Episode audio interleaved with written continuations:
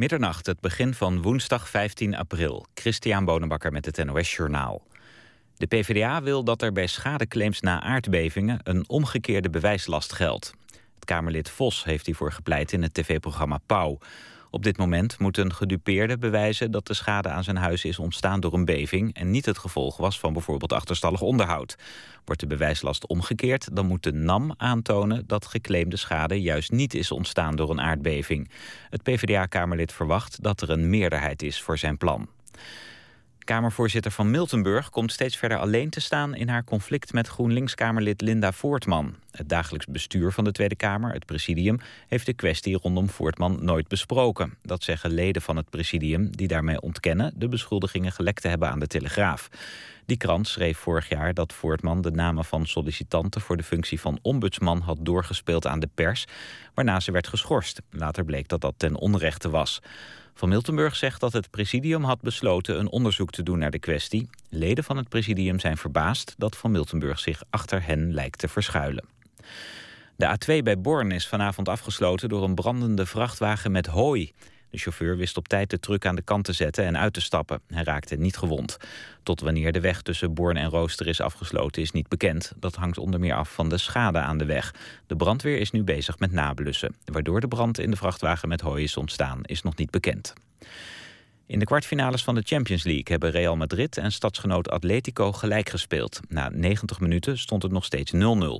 Juventus won met 1-0 van AS Monaco. De kwartfinales gaan over twee wedstrijden. Volgende week zijn de returns. Het weer. Vannacht daalt de temperatuur tot rond 8 graden. Morgen overdag schijnt de zon volop en wordt het 20 tot plaatselijk 25 graden. Aan zee is het koeler. Donderdag valt de temperatuur lager uit door een noordelijke wind die koelere lucht aanvoert. Dit was het NOS Journaal. NPO Radio 1. VPRO. Nooit meer slapen.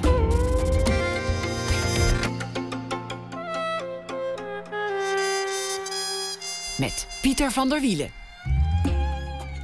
Goedenacht en welkom bij Nooit meer slapen. Na één uur een gesprek met Armando, de kunstenaar. Hij is 85 eh, jaar oud inmiddels. En nog vol energie. Energie om uh, nieuwe dingen te maken, maar ook om oude dingen te vernietigen. Een gesprek daarover straks. Jamal Oriachi draagt een verhaal voor over de afgelopen dag. Ook dat na ene. En een nieuw tijdschrift voor design. MacGuffin. Het is gelanceerd. We bespreken het uh, in het tweede uur. Maar we beginnen nu met Nico Dros. Langzaam afbouwen op deze planeet. is de titel van een bundel met uh, korte verhalen. In het titelverhaal vindt een uh, nucleaire catastrofe plaats. En Joden, Arabieren en christenen die delen het graf. En ook in andere verhalen is er gevaar, dreiging, misdaad. Nico Dros is geboren in 1956, groeide op in het dorpje Oosterend op Texel. Een dorp met vijf kerken en 800 inwoners. En de familie Dros geloofde niet eens. Nico die studeerde geschiedenis, schreef al meerdere romans. Vaak kwam uh, het eiland Texel daarin terug. En vaak hadden de romans ook een historische achtergrond. De Sprekende Slang, over een theologische ruzie die in de jaren twintig ook Oosterend verscheurde. Oorlogsparadijs, tegen de achtergrond van de bijzondere en wrange geschiedenis van Texel in de Tweede Wereldoorlog. Ik noem er nog eentje, Dromen van de Bok, over een cursiste van een schrijfopleiding die de docent, de schrijver, stalkt. En uh, Nico is ook uh, oprichter van de schrijversschool, waar, waar mensen kunnen leren schrijven. Welkom, Nico. Dank je. Is het eigenlijk anders als je, als je opgroeit op een eiland? Maakt dat verschil? Zijn eilandbewoners anders? Nou, ik geloof wel dat het uh, enig verschil maakt in die zin dat je in een soort geografisch heel, heel strak af te bakenen geheel eigenlijk ja, opgroeit. En tenminste, ik heb dat eigenlijk zelf altijd zo ervaren. Mijn, uh, mijn generatie ook. Ik, ben, ik behoor bij de generatie die op een gegeven moment en masse ging studeren in Amsterdam. Dus laten we zeggen, in dat geval waren dat enkele tientallen. En um, we woonden in het vermomde hart van de Kinkerbuurt. Daar, hadden we, daar woonden we in onbewoonbaar verklaarde woningen. In, en we gedroegen ons een beetje als een soort etnische splinter van binnenlandse herkomst. We waren toch echt wel heel erg op elkaar gericht. Als ik bedoel, gaandeweg zijn we stedelingen geworden. En van daaruit uh, Nederlanders en Europeanen. Maar dat, ja, laten we zeggen, dat, dat Tesselse en dat vasthouden op het moment dat je in een andere omgeving komt, dat bestond altijd wel. Dat Kortom, heeft jaren bestaan. Je kunt eh, Nico Dros wel van Tessel halen, maar je kunt Tessel niet van Nico Dros halen. Nou, niet echt. Maar aan de andere kant, ehm, eh, inderdaad word ik heel vaak en terecht ook geassocieerd met Tessel. En er is ook veel Tessel in mij. Maar ja, ik, ik heb ook eh, bijvoorbeeld eh, een boek geschreven, of twee boeken zelfs, over, eh, over Indië. Dus het kan ook naar de andere kant van de wereld gaan. Dus. Ook een fascinatie, Indië. Misschien komen Ja. we daar ook nog over te spreken. Darwin had een theorie, maar dat ging dan over, over dieren. Dat eilanddieren trager zijn dan, dan landdieren, omdat het toch geen zin heeft om te vluchten. Dus, dus op een eiland, ja, vroeg of laat krijgt hij je. Dus je moet een andere strategie bedenken. Oh, dat is heel grappig. Het, het oude Tessels, hè, dat, de streektaal, was ook altijd heel lijzig en traag. En eh, de hele motoriek van die, van die, laten we zeggen, van die oudere Tesla's uit wat ik maar noem mijn grootvaderlijke generatie. Die hadden altijd een hele bedaarde, kalme manier van doen over zich. Dus ik denk inderdaad dat die traagheidsthese ook op mensen eh, geprojecteerd kan worden. Je kunt niet weg. Dat is natuurlijk eh, wat een. Ja, je kunt wel weg, maar dan moet je wachten op de boot. En dan ziet iedereen dat je vertrekt. Dus je bent op elkaar aangewezen. Ook dat. Maar ja, dat, dat, je kunt niet weg. Dat is vooral een, laten we zeggen, eh, dat is een beetje een, een klein, eh, een klein fobietje van mensen die van het vasteland komen en denken: straks zit ik op het eiland, is het, wordt het nacht en dan krijgen we een eh, gierende storm uit het noordwesten. En dan kun je dus niet weg. En daar is geen, volgens mij geen eilander die, daar, die zich daar sappel over maakt. Die wil niet weg. Die, die wil ook trouwens niet weg, nee. Want, ei- want Texel is, is een, ja, een beetje een ander eiland dan, eh, dan Corsica of Santorini. Want, want Texel is ooit door een grote vloedgolf van het land losgeslagen. Het zat ooit vast. Ja, het zat ooit vast eh, tot, eh, tot ongeveer de 12e eeuw. In de 12e eeuw was het volgens mij een, een schiereiland. En op een gegeven moment is door een aantal vloeden is, het Marsdiep gecreëerd. hè. Eerst was het een waterboezem en op een gegeven moment brak dat door naar het Vlie, het- ten oosten van het, van het zojuist gecreëerde eiland. En ik denk dat we dan ergens in de 13e eeuw zitten. Begin 13e eeuw. Maar moet je je voorstellen dat, dat, je, dat je vastzit aan een land en er komt de vloedgolf en dan ineens is er een binnenzee.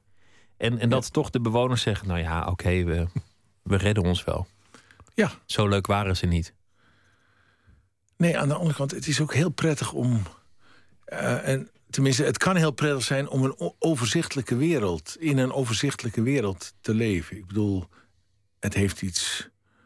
eh, het heeft misschien iets saais voor de moderne mens. maar ik denk dat, dat vroegere mensen. dat die dat eigenlijk best wel prettig vonden. Dat. eh, dat je weliswaar ooit belaagd kunt worden. Hè? Dus ik heb het over tijden in eeuwen waarin misschien de veiligheid niet zo heel groot was. Maar ik denk dat je op zo'n eiland dat je best een soort gevoel had dat je wist met wie je te maken had. Hoe groei je op in een omgeving waar, waar iedereen je kent, iedereen een beetje op je let, waarin je niet zo snel weg kunt? Ik heb eigenlijk nooit een hele verstikkende sociale controle ervaren of zo. Eh, Maar er wordt natuurlijk wel gerold op een eiland. Wordt, je wordt absoluut gerold, maar daar kun je ook boven staan. Dus eh, Kortom, je moet aanvaarden dat er wordt gerold en, en, en je er niks van aantrekken. ja, maar ik denk dat het bijna in alle sociale figuraties is. Het zij een werkvloer, het zij een instituut waar je werkt... of, of een partij waar je iets voor doet... dat er, dat er altijd eh, roddel is. En, eh, maar goed, het kan soms... Het kan, het kan een beetje verstikkend zijn. Ik weet bijvoorbeeld dat het dorp Oude Schild... het rode dorp op Texel... dat was ook altijd heel erg controlerend naar de mensen toe. Wat ik zelf als onvrij ervaar. Terwijl aan de andere kant die mensen enorm solidair met elkaar zijn. Hè, dus dan, dan is de keerzijde van dat goede solidair... is eigenlijk dat men elkaar beloert. Hè, dat je niet over de schreef gaat of dat je geen dingen doet Maar je die... wil over de schreef. Zeker als je, als je de tienerjaren inkomt. Je, Ja. je wil natuurlijk experimenteren. Maar dan ga je naar een ander dorp en misdraag je je. Oké, Dat, dat, zo groot is het dan ook alweer. Zo groot is het. Dan ga je naar het dorp De Burg of De Koog. Hè. Je- In Den Burg kun je... Ja, dan kun je ook wel, kon je vroeger ook wel tekeer gaan. Hè. Had je ook nog wel dat veel jongens die, die, die voeren op, eh, op, die, op die vloot. En eh, je had ook nog- best wel veel boerenjongens... die, die dus ook dat werk deden de- het hele jaar. Dus dat, dat lag niet lekker. En En, anders ging je naar de koog en dan, kon je matten met toeristen of iets dergelijks. Dus uh, dat deed je dan dus niet, inderdaad niet thuis. Maar dat zie je trouwens dat zie je ook in Amsterdam. Dat de omliggende dorpen hun, ja, laten we zeggen, hun, hun excessen meestal bedrijven in de hoofdstad. En daarna weer met een uitgestreken gezicht uh, teruggaan naar hun eigen dorpie. Waar dan je grote broer je bij de bushalte opwacht met een pak rammel. Klopt het, klopt het dat, dat je voor het eerste liefde bedreef in een kippenhok? Dat klopt niet. Zie je, dat zijn die, dat zijn die Tesselse roddels. Werd mij verteld. Oh, Nico, vraag hem even naar dat kippenhok. Ik weet wel welk kippenhok wordt bedoeld. Mm. Want daar hadden we een... een dus er was een, kippenhok? Er was een kippenhok, ja. Maar, maar uh, ja, er was een kippenhok. Dat hadden we tot uh, jeugdsociëteit of de jongerensociëteit. Dat, dat, dat was in die dagen ook wel, uh, wel gewoon. Hè? Dat je dus een alternatief uitgaans... ja, laten we zeggen, een soort keet creëerde. Je hebt natuurlijk tegenwoordig ook op het platteland nog steeds die suipketen. Maar, maar wij hadden het ook een beetje dat we liever niet in, in commerciële gelegenheden gezien wilden worden. Want dat was eigenlijk dat was een beetje duivels. uiteindelijk loop je er wel rond, omdat daar natuurlijk ook de leuke meiden zijn. Maar vanuit je overtuiging, vanuit je, de linksheid van de jaren zeventig... zat je toch liever in het je toch liever in je kiphok of in een sociëteit... Waar, waar, waren, eh, waar waren, die kippen dan? Nou, die waren, die waren eigenlijk... Uh, ik geloof dat die opgevreten waren eh, al eerder. En dat, dat hok stond leeg. Toen hebben we, dat, hebben we de stront eruit geschept. Hebben we er een vloer in gelegd. En wat deed je? Visnetten ophangen en dergelijke. Nee, ik heb het echt... Het is eigenlijk begin jaren... Het is eind jaren 60, begin jaren 70. Dus ik was een jaar of 13, 14. Zo begon het eigenlijk. De tijd van bevrijding. Nou werd het, dorpje ook wel uh, Jeruzalem genoemd. Ja. En dat was omdat er zoveel kerken stonden. 800 inwoners, vijf kerken, zei ik. Waarvan, ja. waarvan één katholiek. Of die getallen nog precies kloppen. Ja, nou, ongeveer nog wel, ja. Dus, dus toch een diepgelovige gemeenschap. Nou, zo herinner ik het mij ook in mijn jeugd. Ik vond ook altijd... Ik kom dan zelf uit een buitenkerkelijke familie. Hoewel mijn moeder wel altijd wel ja, laten we zeggen, die had altijd nog wel een soort irenisch christelijk geloof. Hè, van, ja, dat, laten we zeggen, een beetje nieuwtestamentisch. Maar als je nou naar het dorp ging, dan had je toch echt wel mensen die, die nogal stevig in de leer wilden staan. Of, of, of, of ja, laten we zeggen, de indruk gaven dat, dat, dat uh, te staan. Maar goed, je had ook heel veel, je had ook veel mensen die op de Noordzee vist. En dergelijke. Dat hoort er toch altijd wel bij, hoor. Een beetje... Eh, vissers en geloof. Ja, ja vissers en geloof. Dat heeft veel met elkaar te maken. Omdat de man vaak van huis is en, en overgeleverd aan het noodlot. Ja, en, is best wel gevaarlijk werk natuurlijk. Er ging ook nog wel eens een schip... Uh, en economisch kwetsbaar, want je zou maar niks vangen. Nou, dat was dus... In die dagen lag dat heel anders. Ik bedoel, die mensen waren, die waren ontzettend rijk. Ik weet nog wel, die jongens die met 15, 16 op die, uh, op die schepen voeren.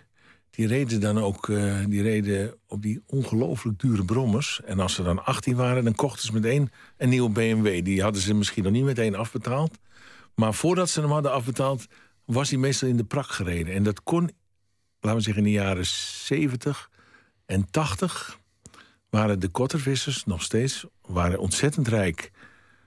Uh, die vingen heel veel, ja, laten we zeggen, aan besomming. En dat is tegenwoordig heel anders. En er zijn er veel minder. In je nieuwe bundel staan een, een aantal verhalen. We gaan ze niet allemaal bespreken. Maar, maar wat opvalt is, is veel ehm, noodlot, onheil. Het gevaar komt van buiten. Mensen die ervaren een dreiging. Er is, er is een catastrofe, er is een, een, misdaad, er is een insluiper. Er, er worden afrekeningen gepleegd. Is dat terug te voeren op, op het eilandgevoel? Dat, dat de buitenwereld dreigend is? Of, nee, ik eh, denk het eigenlijk niet. Ik denk dat het eerder. Ja, misschien zonder dat, ik, dat, ik daar nou, dat, ik, dat je daar nou concrete aanwijzingen voor hebt. Maar laten we zeggen, als je verhalen schrijft, dan, ja, dan ben je misschien onwillekeurig op bepaalde thema's gericht. En misschien heb ik.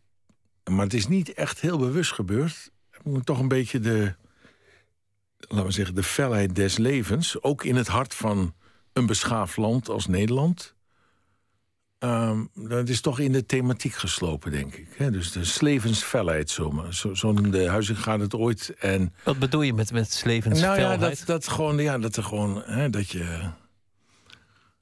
Dat, er, dat, je, dat je, laten we zeggen, kunt liggen slapen... en dat je vijf minuten later in gevecht bent met, eh, met een insluiper. Of iets dergelijks. uh, of ja, dat er...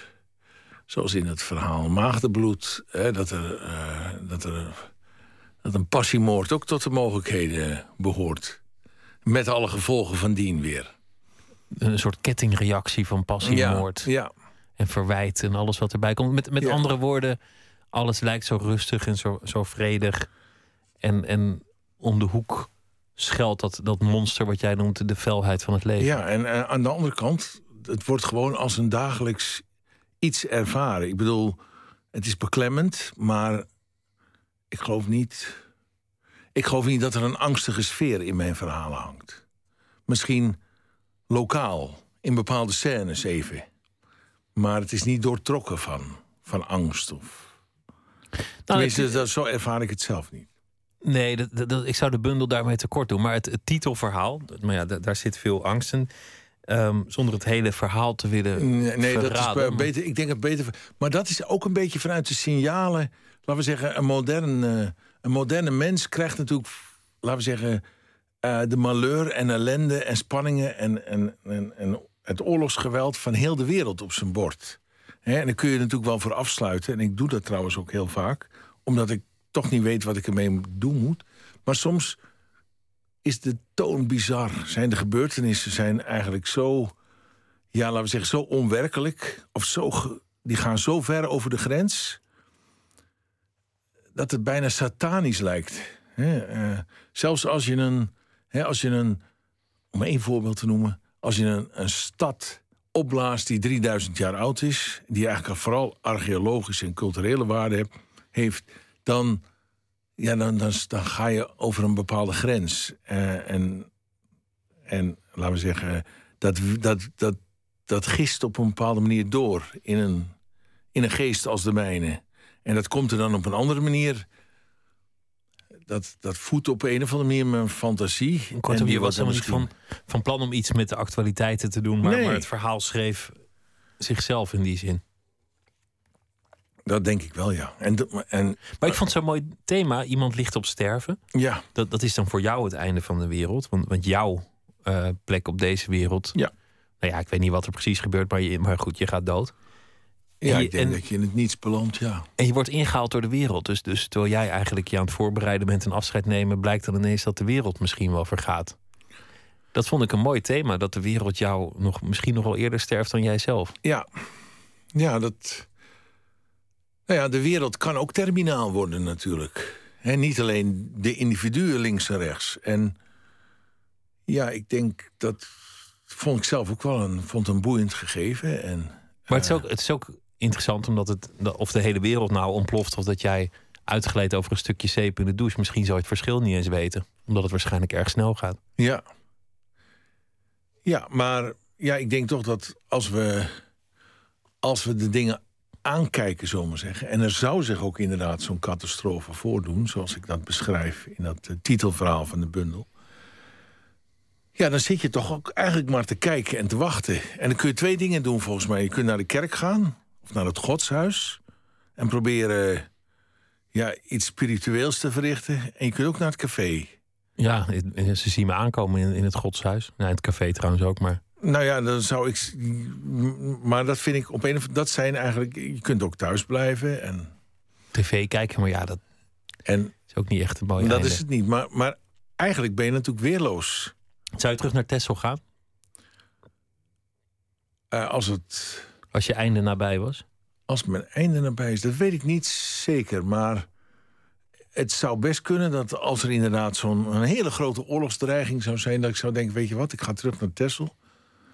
Lekker, uh, tenminste... Uh, Daar gebeurt alles iets later, nee, dat is flauw. Nee, maar ja, dat is misschien wel, wel een idee. Omdat je denkt van, ja, god... Uh, daar, ik bedoel, ik kom uit een boerenfamilie. Daar hebben we in elk geval mogelijk nog te eten. ik zou, ik bedoel, als je, als je in Amsterdam blijft, dan Oh, maar het is niet zo'n gevoel van ik, ik, ik hoor toch op dat eiland. Ik, ik ben misschien wel vertrokken om te studeren in Amsterdam en daar gebleven, maar uiteindelijk hoor ik daar. Nou ja, ik, ik, herken dat gevoel wel heel sterk van vroeger. Laten we zeggen, het hoefde maar even mooi weer te worden in de stad. Of ik liep al met de ziel onder de arm, maar dat is een beetje gesleten. En, aan de andere kant, ja, ik, ik heb, ik heb Tesla nog nooit echt verlaten. Dus, uh, maar ik moet ook zeggen dat ik heel erg geworteld ben in Amsterdam. Inmiddels, dat heeft ook te maken met, ja, met de mensen met wie, je, met wie je leeft natuurlijk. Ik bedoel, met je vrienden, met je geliefde. Uh, die toevallig een Amsterdamse is. Uh, en je wilt toch zijn bij de mensen... Ja, je wil ook bij je familie op Tesla zijn. Ik bedoel... Nou ja, goed. Het, is, het, wordt, misschien. het wordt lastig. Percy ja. Sledge um, is vandaag overleden. 73 jaar oud. Vooral bekend van uh, het prachtige nummer When a Man Loves a Woman. We gaan luisteren naar een uh, ander mooi liedje dat hij heeft gemaakt. Take Time to Know Her.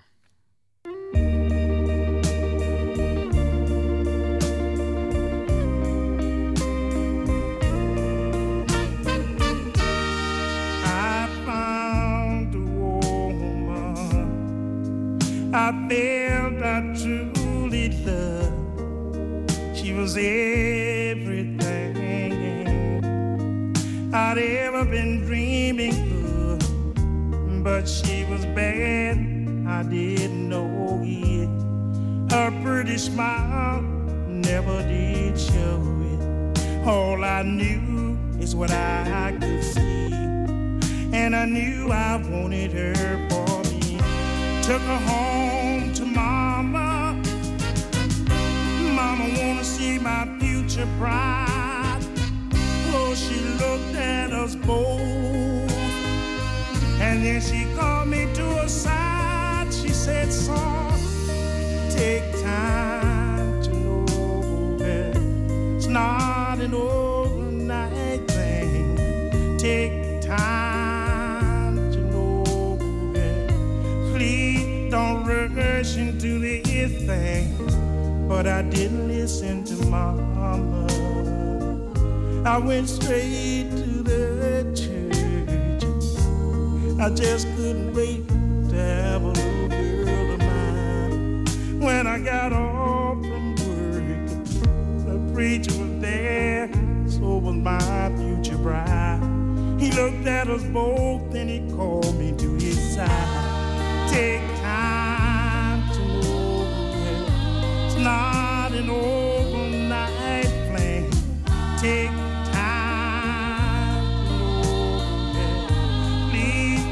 don't rush into this thing.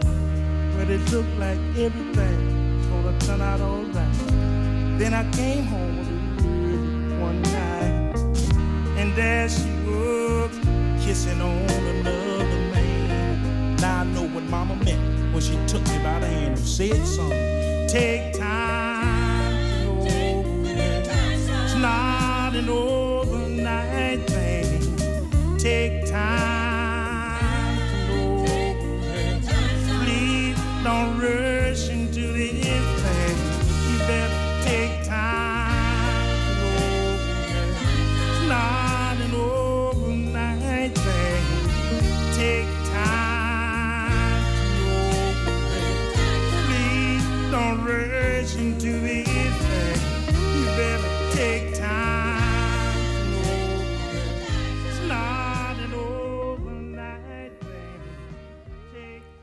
Percy Sledge, vandaag overleden, 73 jaar uh, geworden. Take time to know her. Nooit meer slapen in gesprek met uh, Nico Dros. Langzaam afbouwen op deze planeet is de titel van zijn uh, nieuwe bundel. We hebben het al gehad over uh, Tessel. En dat komt vaak voor terug in je, in je boeken. De, de geschiedenis. Je bent geschiedenis gaan studeren.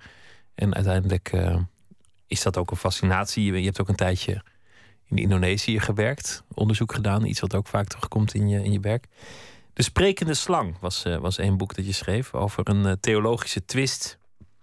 Die in de jaren twintig uiteindelijk leidde tot een, tot een enorme conflict. Ook in, in dat dorpje Oosterend. Namelijk over de vraag heeft die slang in het paradijs tegen Adam en Eva nou echt gesproken? Heeft hij nou zich van taal bediend? Of is taal aan mensen voorbehouden? Of heeft hij iets geslist en hebben ze daar iets van gemaakt? Ja. Interessante kwestie, zou je zeggen. Ja. Maar om er nou ruzie over te maken achteraf. Ja, wij kunnen ons dat bijna niet voorstellen. Aan de andere kant. ehm, ja, we zien, eigenlijk in, we zien eigenlijk een beetje hetzelfde gebeuren in de islamitische wereld vandaag de dag. Dat er ja, enorm gekissenbist wordt. Weliswaar veel gewelddadiger.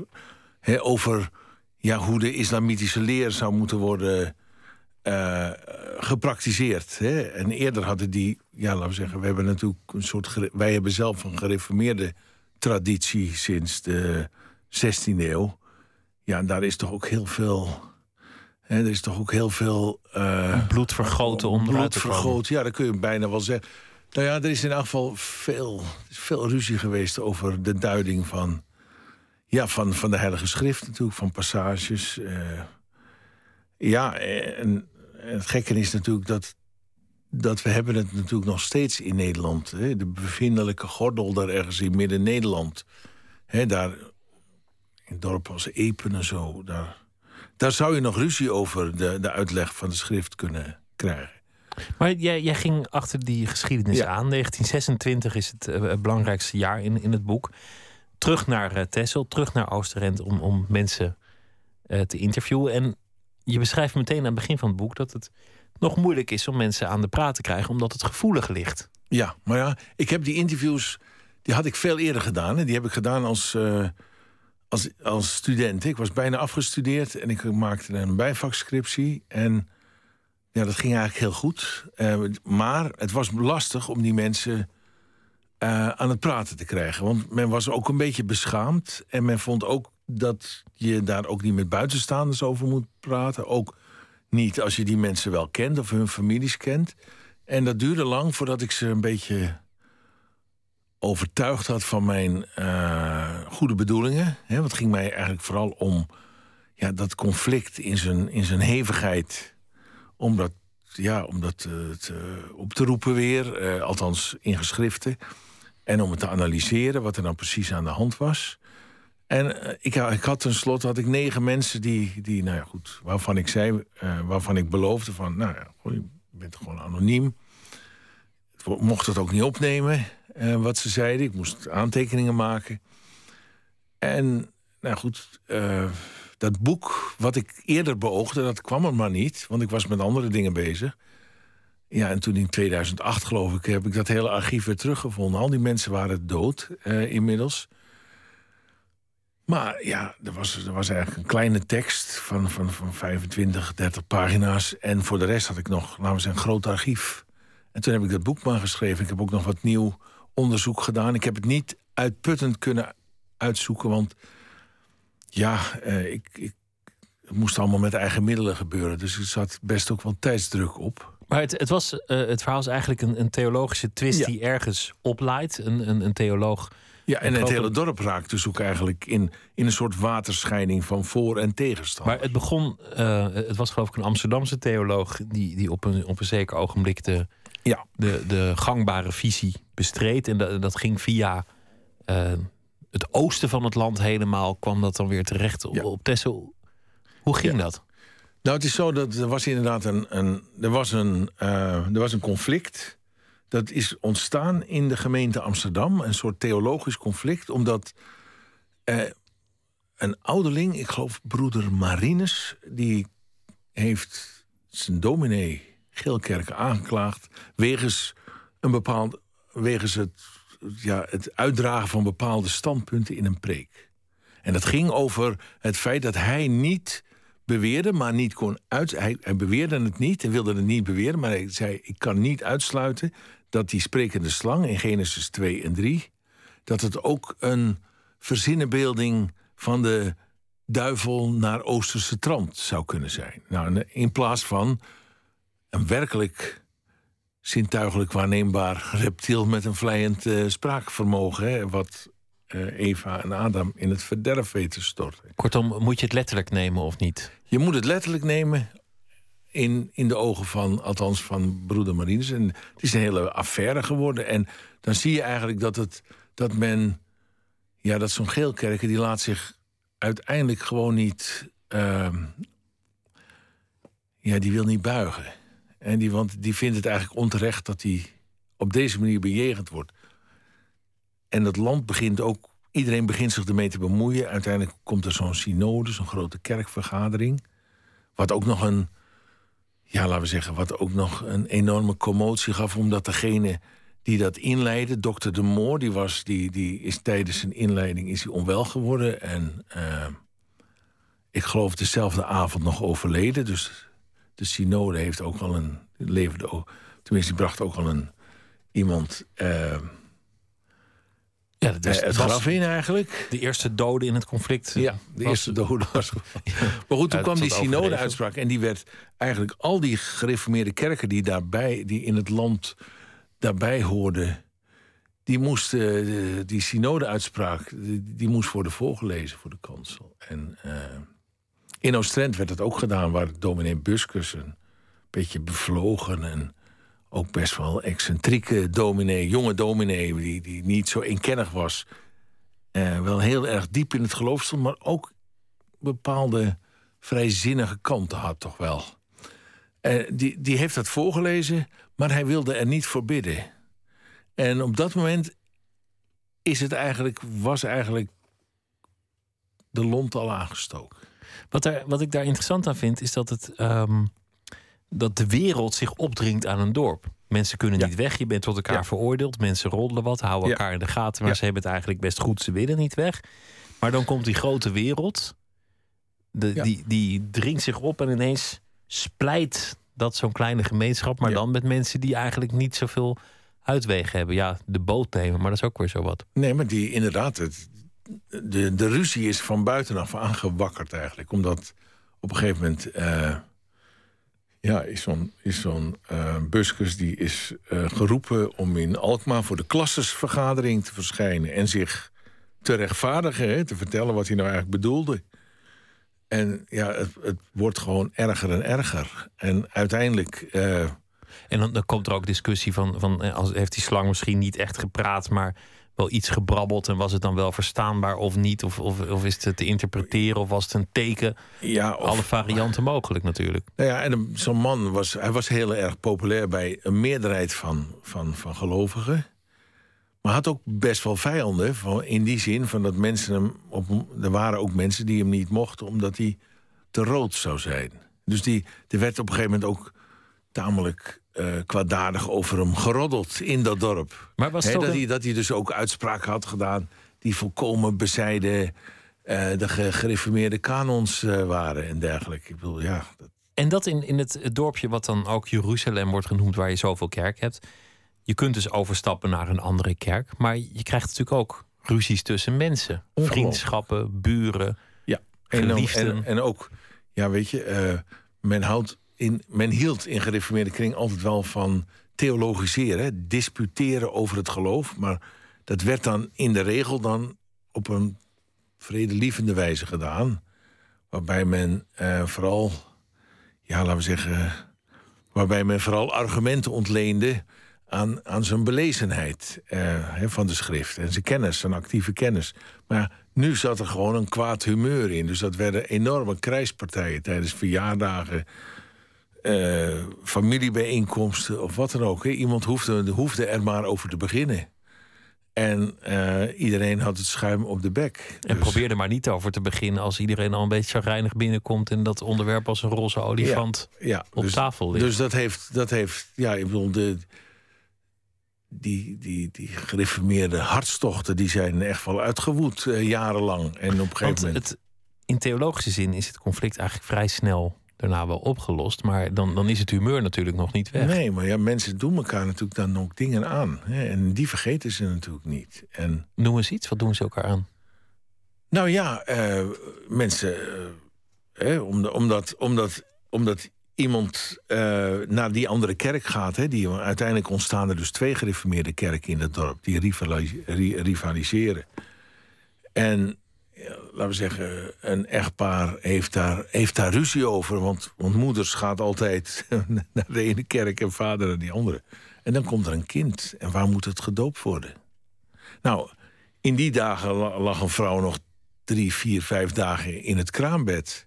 Tegenwoordig wordt het natuurlijk meteen uitgegooid. Maar dat was, men geloofde dat dat heilzaam was. Dus dan nam zo'n vader zo'n kind mee. En, en liet dat bij, ja, bij zijn kerk dopen. Weet je, en dan heb je natuurlijk gewoon heb je een punt wat, wat, wat, altijd, wat altijd weer op kan vlammen in een, in een huwelijk. Hè. En, dan, en ineens is het, is het misschien niet meer zo'n gezellig dorp. Dan is het niet meer gezellig, nee. Waarom is een roman zo'n goede vorm om geschiedenis te vertellen? Want, want jij bent historicus en schrijver, dus in die zin ligt het voor de hand. Maar ik heb ook de indruk dat, dat jij op de een of andere manier hebt ervaren dat de geschiedenis zich het best laat vertellen, soms via een roman. Ja, ik denk bijvoorbeeld een boek als De Sprekende Slang, dat is dan geannoteerd, dat is geschiedschrijving. En, en misschien zou Maarten het Hart daar uh, veel beter een roman van kunnen maken. Maar dat, dat kan ik, denk ik, als romancier niet diep genoeg invoelen. Maar Oorlogsparadijs... Maar Oorlogsparadijs, hè, over die, die Russische oorlog op Texel had ik het gevoel van nee, dat, dat, dat moet je juist wel in een. Je moet je heel goed documenteren, zodat het, dat je de historie geen geweld aan doet. Maar je weet toch niet hoe al die personages hebben, hebben gehandeld van dag tot dag. Dus dat mag je zelf invullen en dat moet je zo waarachtig mogelijk doen. En al die overwegingen en, en hoe, hoe mensen erop terugkijken. En dan denk ik van, ja, in de in de beschrijvingen dus van, van, van hoe je zo'n oorlog meemaakt, dan kun je, als je dan heel dicht bij je personages bent, dan, ja, dan denk ik dat je meer kan vertellen daarover. Hè? Want je kan natuurlijk op een gegeven moment zeggen, ja, die Russenoorlog heeft meer dan 1500 doden uh, tot gevolg gehad op zo'n eilandje. In de laatste oorlogsweek, waar hebben we het over? Maar tuurlijk, dat, dat, dat was ook zo. Maar dat, dat, het doet de lezer misschien meer. als het gaat om, eh, om, dat, om juist die ene vrouw. Hè, die, die, die een paar dagen voordat, voordat de vrede getekend wordt. in het, in, in het ziekenhuis sterft aan, aan de verwondingen van. Eh, laten we zeggen, van een verdwaalde kogel. En we weten natuurlijk ook veel dingen niet. Dus dan, dan kun je in een roman dat invullen. Dat, kun je in, dat moet je ook invullen. Hè? Je moet je, want de bronnen zwijgen. Dus dan ga je zelf als het ware naar de achterkant van de geschiedenis. Die geef je dan eigenlijk. Want de geschiedenis houdt ergens op. Tenminste, als je het wetenschappelijk wilt houden. Uh, bij, bij geschiedschrijving vind ik het altijd. Ja, dan, dan, dan beperk je je tot, tot wat je weet. Of wat je, je. Je werpt een aantal hypothesen op. Je geeft een beschouwing waarvan je denkt. Maar dat, dat, de lezer weet iedere keer van: oh, ik volg nu zijn gedachten. Hij, hij creëert een beeld. Maar het kan net zo goed anders zijn. Daarnet zei je, nou ja, een, een eiland is, is rustig als, het, als de, de grote catastrofe op de wereld komt, is het misschien verstandig om naar Texel te vertrekken. Toen had het over een theologische twist. En dat was de wereld die zich opdrong op, op Texel. Die, die geschiedenis van Texel in, in de Tweede Wereldoorlog, hij is vaker verteld. Er, is ook een film over gemaakt. Ja. Ehm, maar het is een wonderlijke geschiedenis, omdat de Duitsers hadden daar uh, Georgische krijgsgevangenen ingezet. Uh, om ze, ja, allereerst hadden ze daar gevangen gehouden, maar ze dachten op een gegeven moment, nou ja, geef ze een wapen en dan vechten ze mee. Ja, ja ze zijn, het is gewoon een bataljon van de Weermacht geworden. Dus, uh, maar uh, geen, geen gunstig gezind bataljon voor de Duitsers zelf uiteindelijk. Nee, dat leek natuurlijk wel alsof ze. Ze, hebben, ze, hebben, ze zijn in bepaalde. Toen, voordat ze op Texel kwamen, zijn ze door de Weermacht zijn ze gebruikt in oorlogshandelingen. Dat, bijvoorbeeld de strijd tegen Poolse partisanen. In 43, meen ik. Um, maar verder, op Texel werden ze vooral voor de kustverdediging uh, gebruikt. En, maar goed, ja, die, die, die Georgiërs die zaten natuurlijk in een heel lastig parket. Die hadden, die hadden zich moeten overgeven, of die waren overwonnen. En die zaten in kampen. Wat betekende eigenlijk, die gevangenkampen betekende eigenlijk een wisse dood. Dus dan treed je maar in vreemde krijgsdienst. In de hoop dat het allemaal mee zal vallen. En dat je je later misschien via. Ze, hebben, ze hebben van meet af. Hè, om, ja, omdat ze op een dag weer terug zouden moeten naar de Sovjet-Unie. Hebben, hebben van meet af hebben ze het plan gehad. om zich te profileren. opdat Stalin en zijn verdere eh, en de zijnen zouden zien van het zijn toch goede vaderlanders. Je wil niet, niet met de verliezende partij meevechten, wetend dat je daar later flink gestraft voor zal worden. Dat zou je, want ik bedoel, ja, het is van de ene dictatuur kom je in de andere terecht. En zo werd de geschiedenis van Texel in de Tweede Wereldoorlog een, een ontzettend bloedige geschiedenis. Want zij kwamen in opstand tegen de Duitsers, de, de Ja. Georgiërs. En de Duitsers die lieten het er niet bij zitten. Want aanvankelijk was die opstand succesvol. Maar die dachten, nou, we, we halen versterking op het vasteland. Ja. De restanten een- van de Herman Göring-divisie die zijn er eh, op losgegaan. En een aantal troepen van de Kriegsmarine. Eh, die waren vrijwillig. Die wilden vrijwillig eh, naar Texel. Om hun, om hun gesneuvelde broeders, of hoe zeg je dat, kameraden te, te wreken. Een bloedbad, kortom. Ja. Jij gebruikt in, in, in het boek ehm, een dokter die onder een andere naam Ja. Ondergedoken zit op. Ja. En die eigenlijk min of meer ook wel in het verzet zit. Of die, die allerlei. eh, die, me- nou ja, laat ik zeggen, hij is, eh, hij is de rotste niet. Nee, maar ik, ja, ik vond het heel. Er is een, dat is ook historisch. Er is een noodhospitaal geweest op Texel. Omdat die verbindingen moeilijk werden. En, en patiënten zouden uiteindelijk naar Alkmaar moeten. En dat was ook al een probleem. Dus er was een soort noodhospitaal met een operatiecapaciteit op het eiland.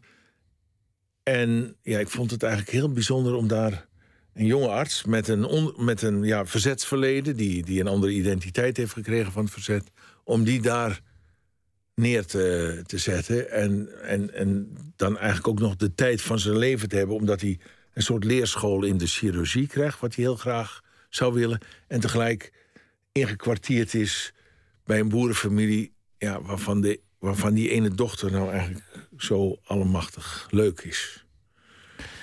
Ja. Kortom, een, ja, Ja. Een, een spannende geschiedenis. Als je al die boeken. Want ehm, het, het boek over de, over de slang, de sprekende slang, begint eigenlijk al met een soort beknopte geschiedenis. Historische inleiding van Ja. Tessel. Ja. Deze eh, geschiedenis heb je beschreven, weliswaar in romanvorm. Zou je niet eens gewoon de, de, de grote geschiedenis van Tessel willen schrijven? Nou, ik heb, er, ik, heb, ik heb er laatst nog over gedacht. En toen dacht toen, toen laten we zeggen, teruggedacht. Toen dacht ik, ja, dat, dat, dat had wel mogelijk geweest. Ik, maar eh, mijn probleem was in de tijd dat ik na mijn afstuderen kwam ik een tijdje in de hele in de hoek van Zuidoost-Azië terecht. Van onderzoek op Java en ehm, eh, laten we zeggen een beetje schrijven over die regio in het verleden. Het beviel me in die zin niet genoeg dat ik het gevoel had dat ik er niet dichtbij, ik kon er niet echt bij komen. Eh, Ik, achteraf heb ik ook wel eens gedacht, ik had eigenlijk nieuwe geschiedenis moeten gaan studeren. Waarbij je dan eh, inderdaad zo'n eiland van, van 1400 tot 1850 of zo onder de loep neemt. Of van mij part tot 1950. En dat je dan alles hebt gezien. En dat je dan het volksleven en die geloofsconflicten de hele economische structuur. Ja, dat had ik eigenlijk moeten doen. Maar ja, ik, Het is toch nog niet te laat? eh, ja, maar ik heb andere. Ik heb nu andere. Ik heb andere punten. Ik ben, Ja, ik geloof je niet. Ja. Volgens mij ben je nog steeds met een plan bezig. ik ben niet meer. Nee, maar ik. ik het is wel grappig, want ik, ik, ik ben een historisch essay aan het schrijven over de hiaten in de geschiedschrijving over Texel. En ik heb eigenlijk een plan hoe die hiaten door jonge onderzoekers eh, kunnen worden, laten we zeggen, eh, weggevreven. Door, door heel goed onderzoek te doen. En wat, wat dan voor een deel betaald wordt door de gemeente Texel en voor een deel door de universitaire wereld in een samenwerkingsverband. En ik denk dat dat, dat, dat wel de lacunes zal gaan eh, doen verdwijnen. Maar, maar ik zal het niet zijn. Nee. Nou, die bal Nee. ligt op de stip. Kop hem erin. Zullen we luisteren naar Calexico? Dat is een, eh, een groep die al twintig jaar bezig zijn eh, inmiddels. Nieuw album, Edge of the Sun. En eh nou, is wat gevarieerder dan, dan eerder werk misschien. De titel is Moon Never Rises.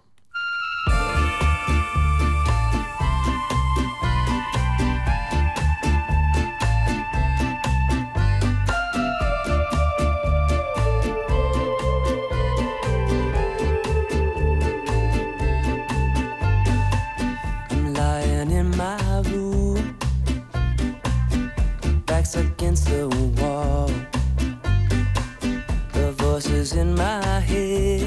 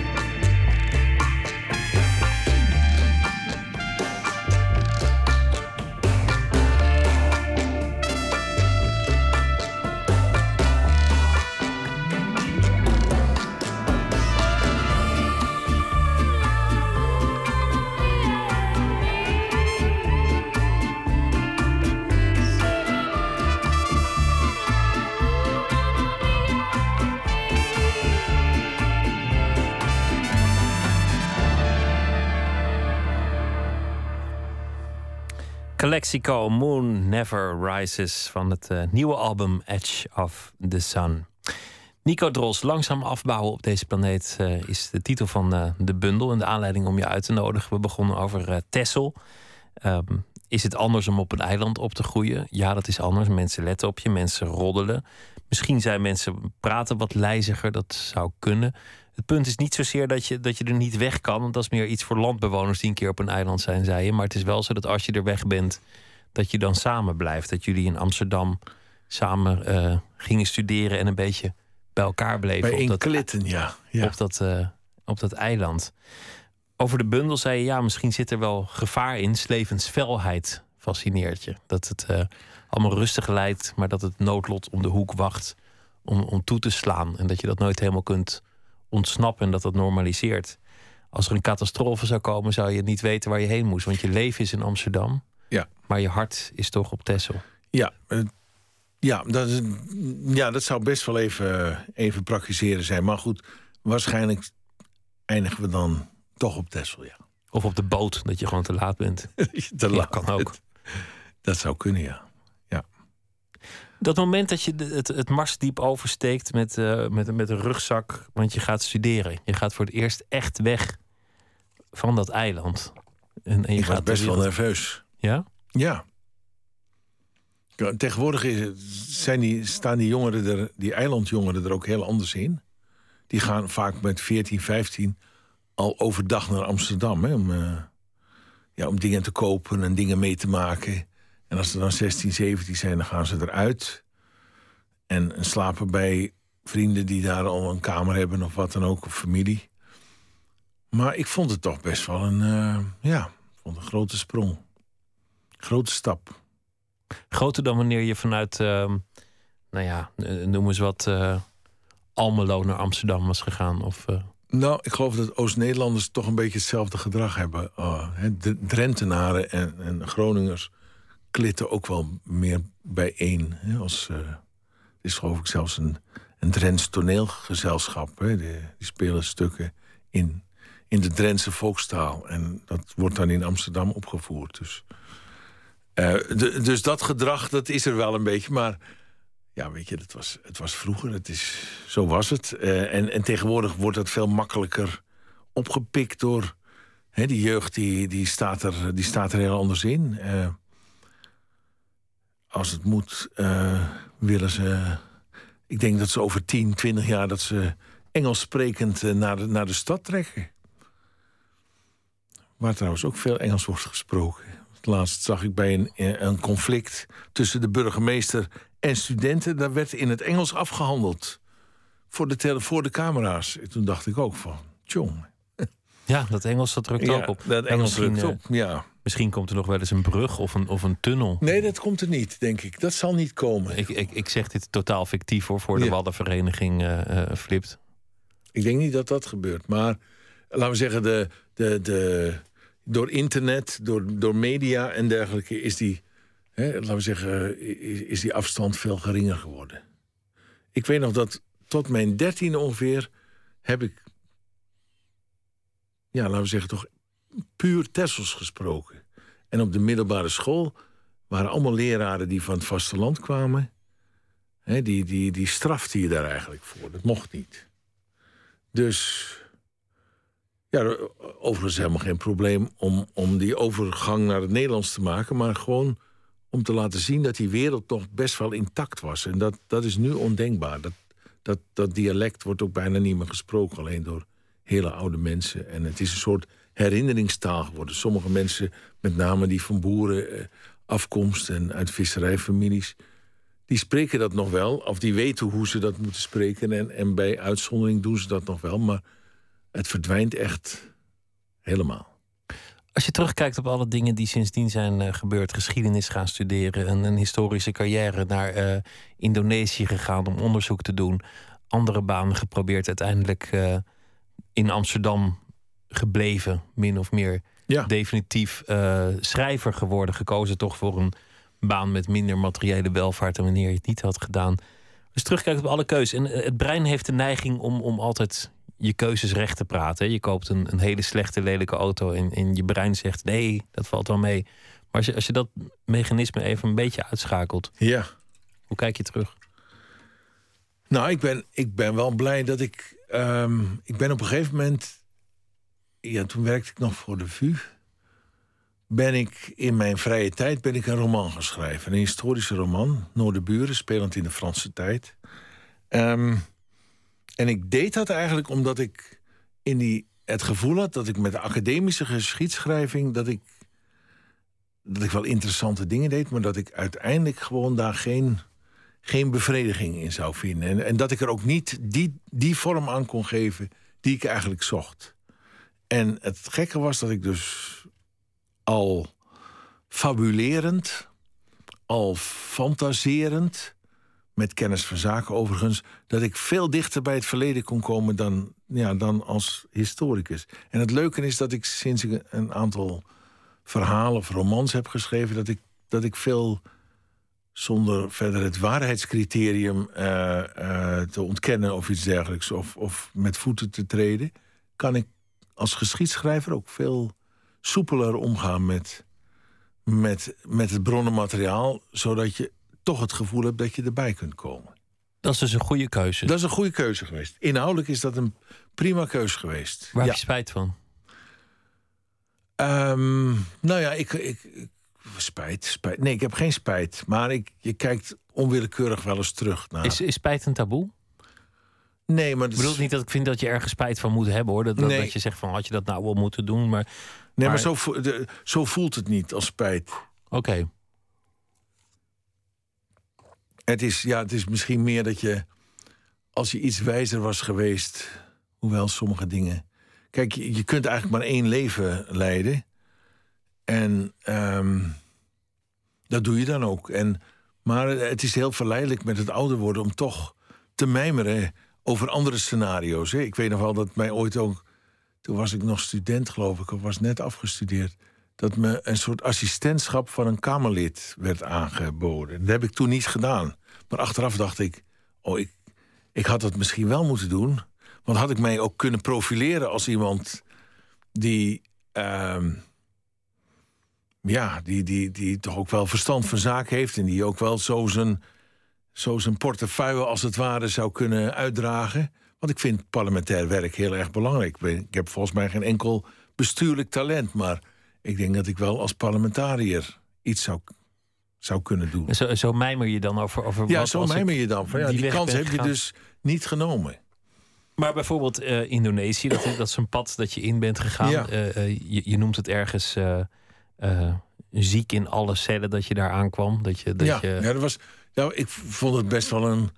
Ja, in dat andere klimaat, met name in een stad als Jakarta, vroeger het Europese kerkhof genoemd, daar kun je echt wel ziek zijn hoor, omdat het er. omdat je Het is er zelfs naar. Indonesische maatstaven is het er morsig warm, zullen we maar zeggen. Maar goed, dat is een vervelende episode. Ja. En, maar dat is niet, niet hopelijk. Maar eigenlijk Nee. is het, als ik je zo hoor, allemaal goed gegaan. Je, je hebt je weg gevonden naar dat schrijven. En ja, en, ja los, los van het schrijven gewoon zwaar is. En, Ja, en nou ja, soms ik- eenzaam. En, Ja, en dat, je, ja. dat je er misschien niet altijd rijk van wordt. Maar geeft het je bevrediging? Ja, dat denk ik eigenlijk wel. Het geeft veel bevrediging. Ik, ik, ik heb er in die zin spijt van en dat ik, eh, eh, ik. Ik heb als historicus wel de verkeerde keuze gemaakt. Ik, Azië, eh, laten we zeggen, of Indonesië, daar had ik, had ik mijn best een paar jaar mee willen bezighouden, maar dat heb ik iets te lang gedaan. Want dat leverde uiteindelijk niet meer op. Niet genoeg meer op. Dat had, dat Maar had was wel een mooi avontuur. Het was een prachtig avontuur. Jazeker. Ja, dat vergeet je ook nooit meer. Maar eh, laten we zeggen, sowieso een academische carrière lag me ook niet echt, omdat ik het allemaal, hè, laten we zeggen, de hele cultuur is te ambtelijk. En daar kan ik niet tegen. Want ik kom van een, ik kom van een boerderij. Ik ben, laten we zeggen, op 10 meter afstand van de mesvaalt ben ik ter wereld gekomen. En dan, dat ambtelijke, dat, dat, dat verdraag ik niet. Laat ik het zo maar zeggen. Daar word ik heel erg recalcitrant van. Dus, eh, Want je bent wel vrij als Ja. schrijver. en als schrijver ben ik veel vrijer. Dus, dus op een gegeven moment die keus die ik gemaakt heb... dat is een goede keus geweest. En eh, daarna zijn we... Toen ben ik op de schrijversvakschool beland. Die heette toen nog het colofon. En dat vond ik eigenlijk wel... Schrijfonderwijs wist ik aanvankelijk niets van... maar dat, vond ik toch uiteindelijk heel zinnig werk. Toen ging dat colofon ging failliet... en toen hebben we het maar doorgestart. Eh, met name Arie van den Berg en ik. Arie van den Berg had een enorm netwerk in de literaire wereld... maar ook tot, tot aan het ministerie aan toe. En zo hebben we eigenlijk wat... Zo, zo zijn er fondsen ingezameld... en is, die, is de Schrijversvakschool eh, Amsterdam... eh, ja, laten we zeggen, ontstaan. En dat is eigenlijk...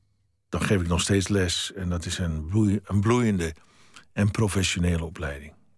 Ook een beetje onderwerp van eh, Dromen van de Bok, het boek waarin, ja. waarin een, een li- leerling eh, verliefd wordt op die eh Ja, docenten. en een erotomaan, en die blijkt eigenlijk een erotomane stalker te zijn. Dat, ik wilde ooit een duister boek schrijven, maar ik had geen onderwerp. En toen is het me dus ooit eens overkomen dat een, noem het een, een psychiatrisch geval, eh, en ja, laten we zeggen, schrijf, kunstacademisch, schrijversscholen, dat zijn toch een beetje open inrichtingen, hè? Want er, daar loopt het genie en, en Ja. de gekte, dat zit natuurlijk soms dicht bij elkaar. Maar goed, eh, het is mij ooit overkomen dat ik, terwijl ik nog geen kopje koffie met die vrouw eh, heb genuttigd, dat die vrouw meende dat ik ervoor zorgde dat zij verliefd op mij werd, zodat zij met haar man moest breken. Nou ja, dat, dat is erotomanie, het is, psychose passionnel noemen de Fransen het. eh, Een dit obsessie. ja, het is een enorme obsessie. Dus het maar het is, ook, het is een psychose ook echt. En die vrouw was psychotisch. En die heeft mij twee jaar gestalkt, telefonisch. Ze stond bij de deur. Kom eens zien. Ja, we zijn aan het einde. Oh, we zijn aan het het einde. staat in het boek, Dromen, van, de, Ja. dromen van de Bok. Ben je weg van een eiland, word je nog gestalkt trouwens. Het is, eh, dat is ook tragisch. In de stad. Ja. Maar goed, steeds. uiteindelijk heeft het een mooi duister boek opgeleverd. En daar ben ik heel blij mee. Dankjewel, Nico Dros. En het eh, laatste boek heet eh, Langzaam afbouwen op deze planeet. Zometeen eh, gaan we verder. Twitter, het VPRO NMS. Op Radio 1. Het nieuws van alle kanten.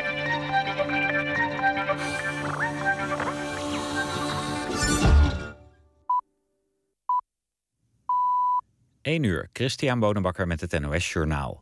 De PvdA wil dat er bij schadeclaims na aardbevingen... een omgekeerde bewijslast geldt. Het Kamerlid Vos heeft hiervoor gepleit in het tv-programma Pauw. Op dit moment moet een gedupeerde bewijzen... dat de schade aan zijn huis is ontstaan door een beving... en niet het gevolg was van bijvoorbeeld achterstallig onderhoud. Wordt de bewijslast omgekeerd, dan moet de NAM aantonen... dat geclaimde schade juist niet is ontstaan door een aardbeving. Het PvdA-Kamerlid verwacht dat er een meerderheid is voor zijn plan. Kamervoorzitter van Miltenburg komt steeds verder alleen te staan in haar conflict met GroenLinks-Kamerlid Linda Voortman, die vorig jaar ten onrechte werd geschorst. Voortman werd ervan beschuldigd dat ze namen had gelekt uit de sollicitatieprocedure voor een nieuwe ombudsman. De Telegraaf publiceerde haar naam toen. Van Miltenburg zegt dat het dagelijks bestuur van de Kamer, het presidium, besloot aangifte te doen tegen Voortman. Maar leden van het presidium zeggen nu dat de beschuldiging richting het GroenLinks-Kamerlid nooit met hen is besproken. Ze zijn er verbaasd over dat Van Miltenburg zich achter hen lijkt te verschuilen.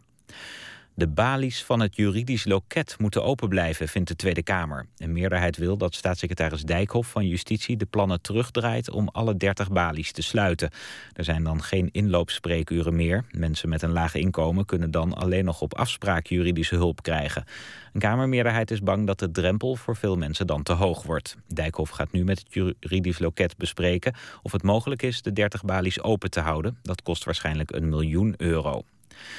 De Feyenoord-supporters die verdacht worden van deelname aan de rellen in Rome... worden in Nederland berecht. Dat hebben Italiaanse en Nederlandse autoriteiten met elkaar afgesproken. In totaal heeft de politie 44 verdachten geïdentificeerd... die zich in februari voor de wedstrijd AS Roma-Feyenoord zouden hebben misdragen. Ze beschadigden onder meer een eeuwenoude fontein. Het weer. Vannacht daalt de temperatuur tot rond 8 graden. Overdag schijnt de zon volop en wordt het 20 tot plaatselijk 25 graden. Aan zee is het koeler. Dit was het NOS Journaal.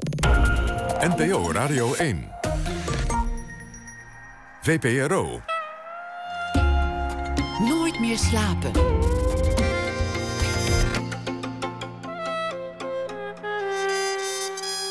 Met Pieter van der Wielen. U luistert naar eh, Nooit meer slapen. Nico Dros kreeg zijn eh, anekdote net niet af. 1200 brieven kreeg hij van de cursisten van zijn eh, schrijversopleiding. En van de ene op de andere dag was het voorbij. Was de liefde afgelopen. En was daarmee ook deze stalkingszaak ten einde. Hij is nog wel bij de politie geweest, maar het interesseerde ze allemaal geen ene donder in die, eh, in die tijd. Een eh, man die gestalkt werd. Dromen van de, boek, eh, van de Bok heet trouwens het boek dat hij daarover geschreven heeft, alweer een paar jaar geleden. Jamal Uriachi, die is ook schrijver en die schrijft deze week elke nacht een, een verhaal voor ons, of elke dag, en dat zal hij na één voordragen. Dat is nu. Jamal, goeienacht. Hey, goeienacht, Pieter. Vertel eens over die afgelopen dag. Ehm, ja, ik, uh, ik ben heel druk uh, bezig met uh, de afronding van mijn nieuwe roman. Eigenlijk het gaat ook mijn verhaal daarover. Ik heb er voor de verandering eens voor gekozen om een persoonlijke actualiteit aan de kaak te stellen. Ehm, nou, je hebt carte blanche, dat mag. ik ga meteen, ik ga meteen voordragen, denk ik. Ga je gang. Met een rode fineliner in de hand bracht ik vandaag de laatste correcties aan in de drukproef van mijn nieuwe roman een afscheidsritueel. Hierna is het boek van anderen. Bang voor de reacties ben ik niet, al weet ik nu al dat er weer één of twee zeikrecensenten zullen zijn die vinden dat er makkelijk twee of driehonderd pagina's uit hadden gekund. Ter ontspanning lees ik verhalen van Raymond Carver uit de bundel What We Talk About When We Talk About Love. Carver werd geprezen om zijn radicale minimalisme. Het zijn tot op het bot gestipte verhalen. Maar het geheim van die stijl is inmiddels bekend. Zijn redacteur, Gordon Lish, sneed genadeloos in zijn teksten. Soms sneuvelde hele pagina's, soms veranderde Lish onbeschaamd het slot. Ter lering en vermaak lees ik ook manuscriptversies van de verhalen die jaren na Carvers dood alsnog gepubliceerd werden onder de titel Beginners. Zin voor zin vergelijk ik de originele met de versies die door Lish onder handen genomen zijn. Inderdaad, elk overbodig woord is geschrapt. En soms komt dat de verhalen ten goede. Ze worden er mysterieuzer door, ongrijpbaarder. Toch zou ik me niet kunnen voorstellen dat Picasso een redacteur had... die een paar vierkante meter van Guernica zou hebben afgesneden... omdat het doek daardoor compacter en mysterieuzer werd vaak genoeg lees ik romans die overduidelijk kapot geredigeerd zijn. Technisch klopt het allemaal keurig, maar de tekst leeft niet, ademt geen persoonlijkheid. Techniek kun je leren, techniek is algemeen. Het zijn juist de fouten, de blinde vlekken van een auteur... die een verhaal of roman karakter geven. Het individuele talent bestaat uit een verzameling gebreken. Ik lees liever een veel te lange tekst met ballen dan gecastreerd ambachtswerk. Interessant punt. Ik lees het heel vaak in recensies. Dat de recensent zegt, ja, het had de helft korter gekund... en het had, had de laatste vier hoofdstukken waren overbodig. Maar dat komt natuurlijk omdat de recensent... die leest voor zijn beroep en die moet heel veel boeken lezen... en het moet ook nog voor een Ja. bepaald tijdstip af. Dus het, dat is niet de welwillende lezer die op het strand ligt... met een boekje en, en af en toe een slokje wijn neemt. Die kan het helemaal niks schelen, de, de, de, de echte lezers, zou ik maar zeggen. Ja, ik bedoel, recensenten zijn ook echte lezers natuurlijk, maar... Nou ja, maar je leest wel, anders. eh, Ik bedoel, je leest gewoon anders als ja, je zes absoluut, boeken per week moet lezen en je moet ze voor vijf af hebben, want de hoofdredacteur wacht op een stukje. En eigenlijk had je niet zo'n zin in de nieuwe Oriachi. Dan ga je toch anders lezen. Ja, precies. Ja, ja, ja. Je hebt een deadline en eh, er staat niet zo heel veel geld tegenover natuurlijk, zo'n recensie. En eh, het moet allemaal heel eh, beknot en zo. Ja, dat, is- dat is echt wel jammer om te realiseren. Het, eh, de, en, ik, ik, ik lees wel eens oude recensies eh, uit voorbije tijden. Dan ga ik erg zo'n oude lul klinken, maar ik ben een jonge schrijver. Maar juist dan is het raar om te lezen hoe er bijvoorbeeld in de jaren 60 of 70 eh, gerecenseerd werd in sommige toonaangevende tijdschriften. Niet alleen in Nederland, maar ook daarbuiten. Er is steeds meer ruimte voor, voor echt een, een- het rustig lezen van een boek en daar diepgaand, dat diepgaand analyseren. Eh, het zijn tegenwoordig toch vrij, vrij, vrij vaak allemaal korte stukjes met even snel een samenvatting van het verhaal. Twee citaatjes en en that's it. Ja, en, en voor, voor minder letters krijg je ook minder geld. Dus op een gegeven moment is het economisch gezien niet rendabel om het boek nog te lezen. Ja, absoluut. Ja, ja dat, is, eh, dat is jammer. En ik vraag me af eh, welke kant dat opgaat met uh, literaire kritiek. Want als die recensies steeds korter worden, dan, dan op een gegeven moment heeft het gewoon helemaal geen zin meer. Dus ik, ik denk dat je maar beter als krant of zo zou kunnen zeggen van... eh, nou, dan recenseren we maar wat minder, maar dan wel uitgebreider en, en diepgravender. Dat is een, dat zijn een zo'n interessant... de, de, de Maar goed, daar, die nu door mijn hoofd gaan. Ja. Tegelijk vraag ik me ook af of het heel veel uitmaakt nog, recensies. Of, of, of, het, of het boeklezend publiek niet langs andere kanalen bij een boek komt... en of iets niet gewoon nog prima het publiek kan vinden als, eh, als de recensies Ja, slecht zijn. Eh, Volgens mij is dat langzaam aan het loszingen. Ik denk dat het voor de boekverkoop niet heel erg uitmaakt. Maar wel op de manier waarop je naar literatuur kijkt. Hoe je... ehm, Dus zo'n opvatting dat alles kort moet zijn en droog gekookt... dat, dat kan daar vandaan komen. Ja.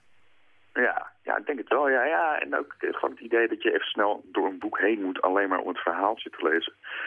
Eh, dat is zonde, want het is dan juist wat literatuur, denk ik, extra kan bieden. Is dat je het boek nog een keer kunt lezen... en dan weer heel andere dingen ontdekt erin eh, als bij de eerste keer. Ja, en een heel slecht boek kan trouwens ook eh, heel goed beklijven... en heel interessant zijn en je leven veranderen... Ja. terwijl een heel goed boek van je af kan glijden. Dat is ook nog ja, waar. absoluut. Ja, ja. Interessante beschouwingen en wens je succes ook met eh, de roman. En morgen graag weer een, eh, een verhaal. Jamal Riachi, dankjewel. absoluut. Goeienacht. Yes, tot morgen. Doei. We gaan luisteren naar ehm, de Gospel Sessions. Muziekveteranen Onno Smit en Paul Willemsen. Die eh, allerlei gezelschappen bezetten. Die hebben een project samen met de Amerikaanse zangeres Michelle David. En Ze gingen op zoek naar de essentie van de Gospel Soul. De Gospel Sessions is de titel. En we gaan luisteren naar het nummer I Wanna Know. Thank you.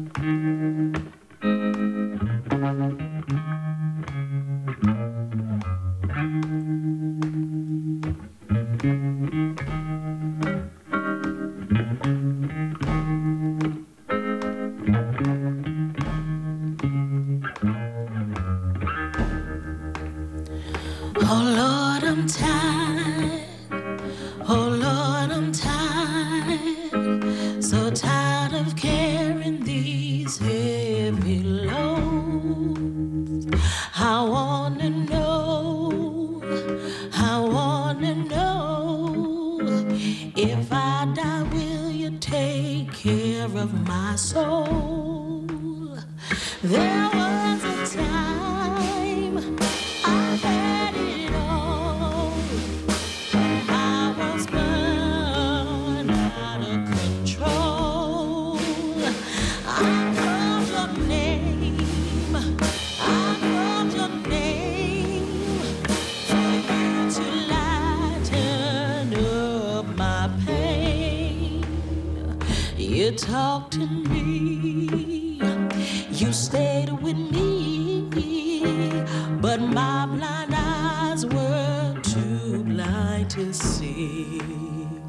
Now I'm asking if I die,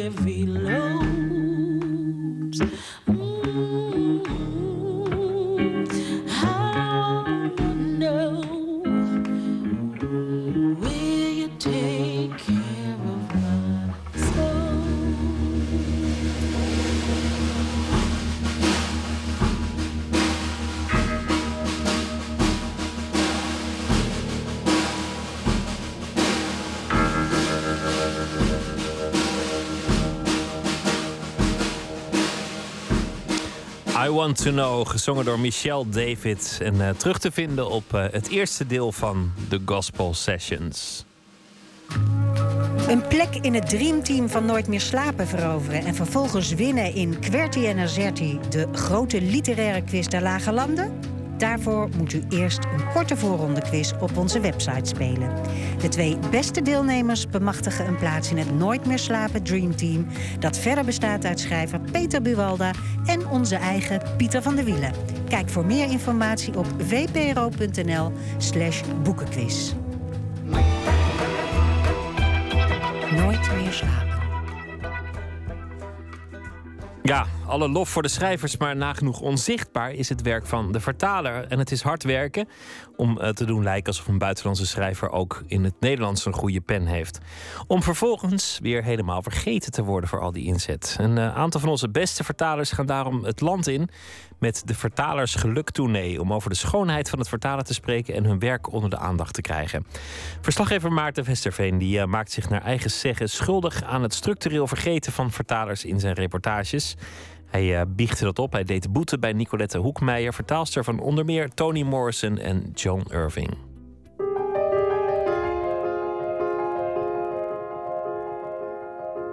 Антон Павлович Чехов «Дама с собачкой».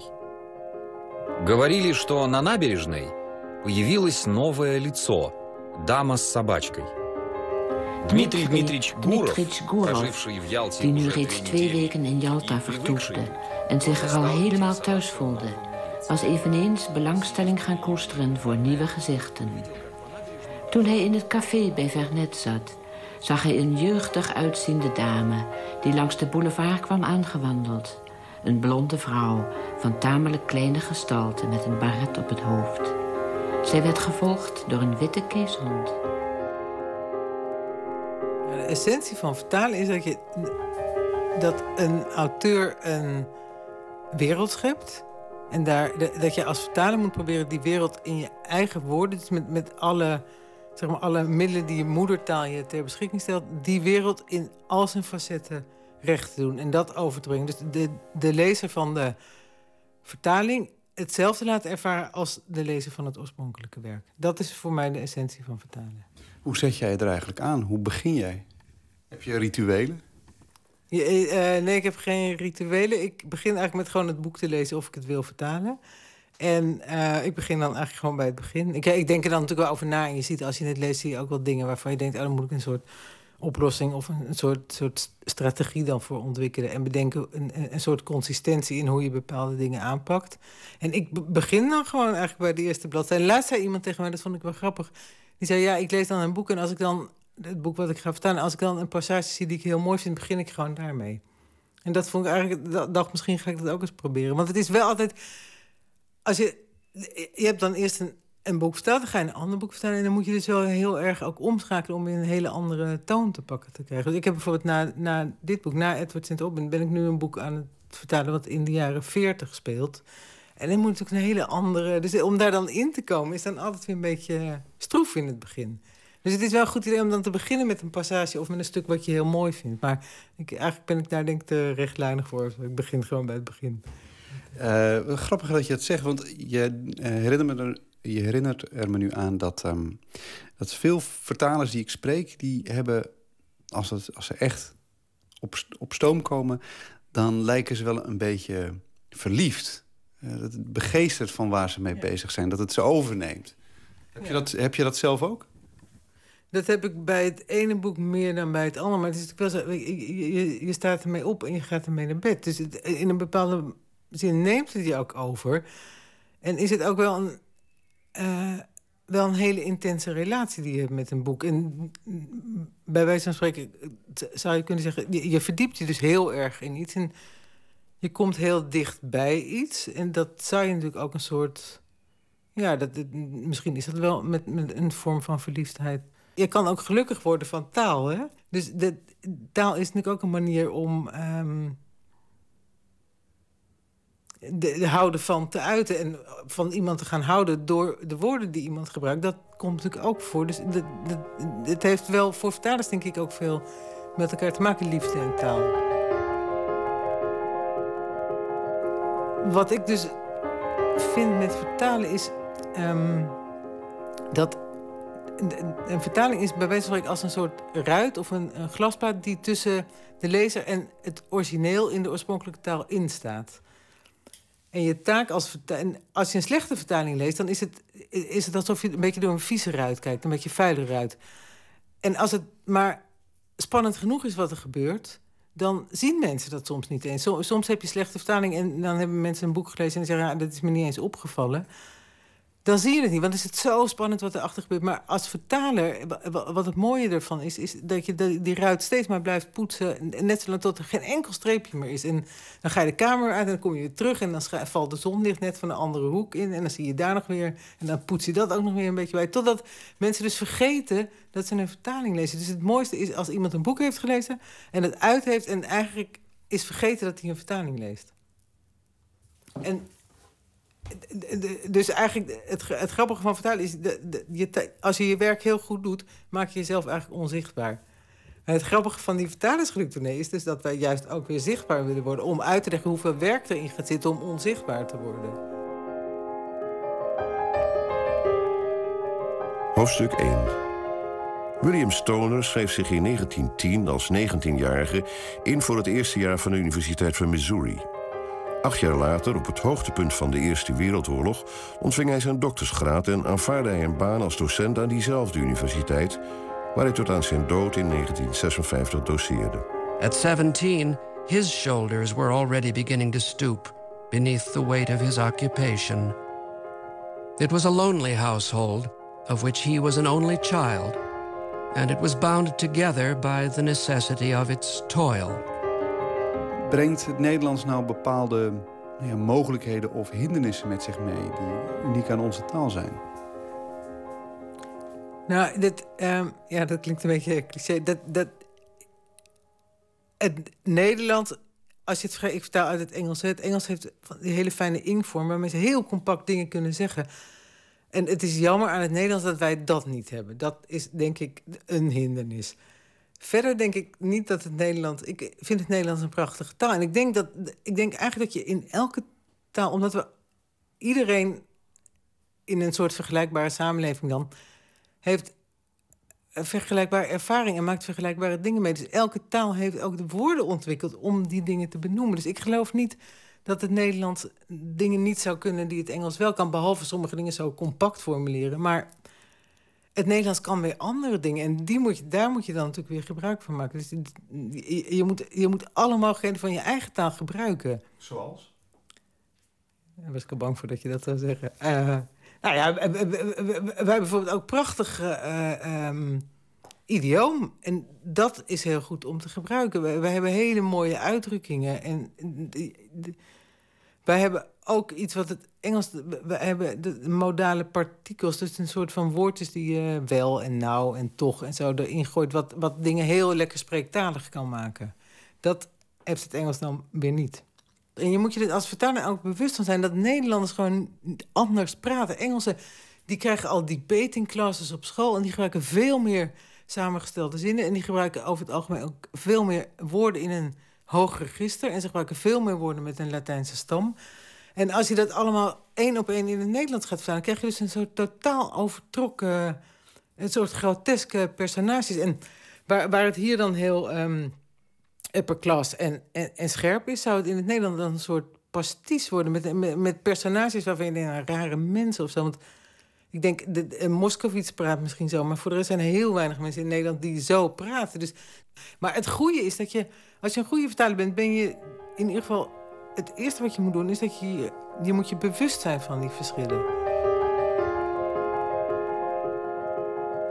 Wat heb je eigenlijk geleerd over de Nederlandse taal door vanuit het Engels te vertalen?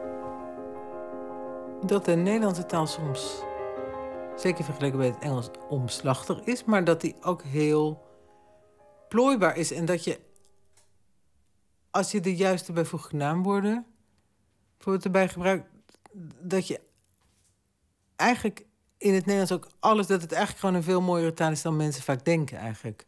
Dat heb ik ervan geleerd. Mensen zeggen, ja, ik lees altijd alles in het Engels, want dat vind ik veel mooier. En dit, maar Nederlands is ook een prachtige taal, ook een soepele taal... waarmee je eigenlijk alle nuances die het Engels kan uitdrukken, ook kan uitdrukken. Alleen soms moet je andere combinaties zoeken... en, en, en, en moet je iets weergeven, bijvoorbeeld wat in het Engels dan een zelfstandig naamwoord is... hebben wij dan in het Nederlands net niet dat zelfstandig naamwoord. Maar dan moet je daar niet op vastbijten, of niet in vastbijten.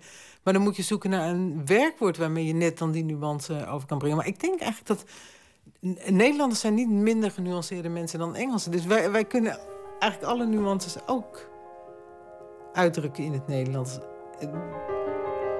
Dat heb ik dus niet per se geleerd, maar ik ben me er wel bewuster van geworden dat Nederlands een mooie taal is.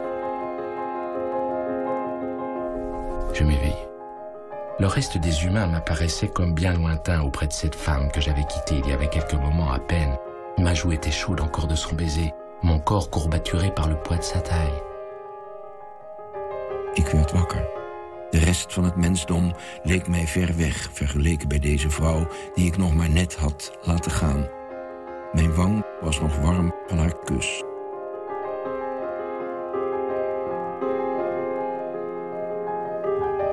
Maarten Westerveen in gesprek met vertaalster Nicolette Hoekmeijer over eh, de kunst van het vertalen. En de vertalersgelukstournee is eh, deze week begonnen.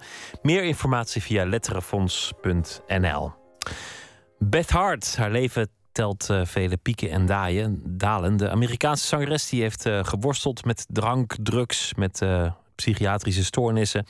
Muzikaal is het alleen eh, altijd heel erg goed gegaan. En eh, inmiddels eh, staat ze geprogrammeerd op de nieuwe editie van North Jazz. En ze heeft een nieuw album uit, waarvan wij draaien Tell Her You Belong To Me. Tell her you're mine. You have been blind. Tell her it's over. You belong to me. Tell me to come. And like hell, I will run back into your arms. Cause you belong to me. There's a river on my skin there's a dragon in the dark. Nothing scares me more than the silence of your heart. If you wanna hold me, if you wanna know me again, if you want. Then take me home.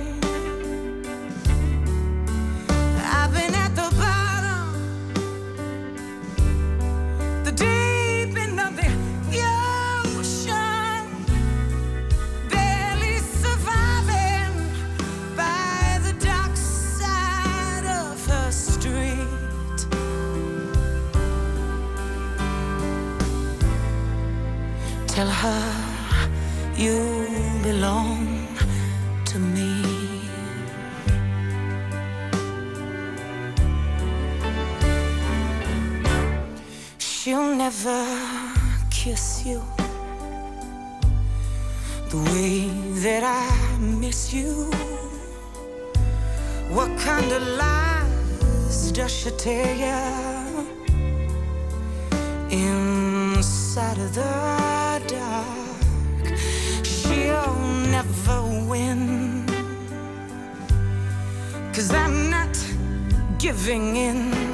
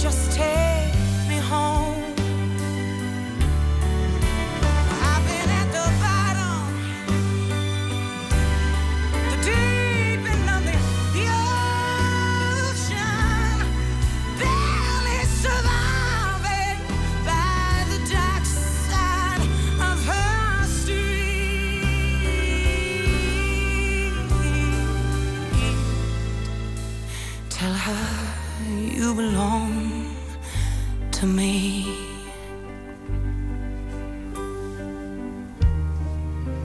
Tell her you belong to me.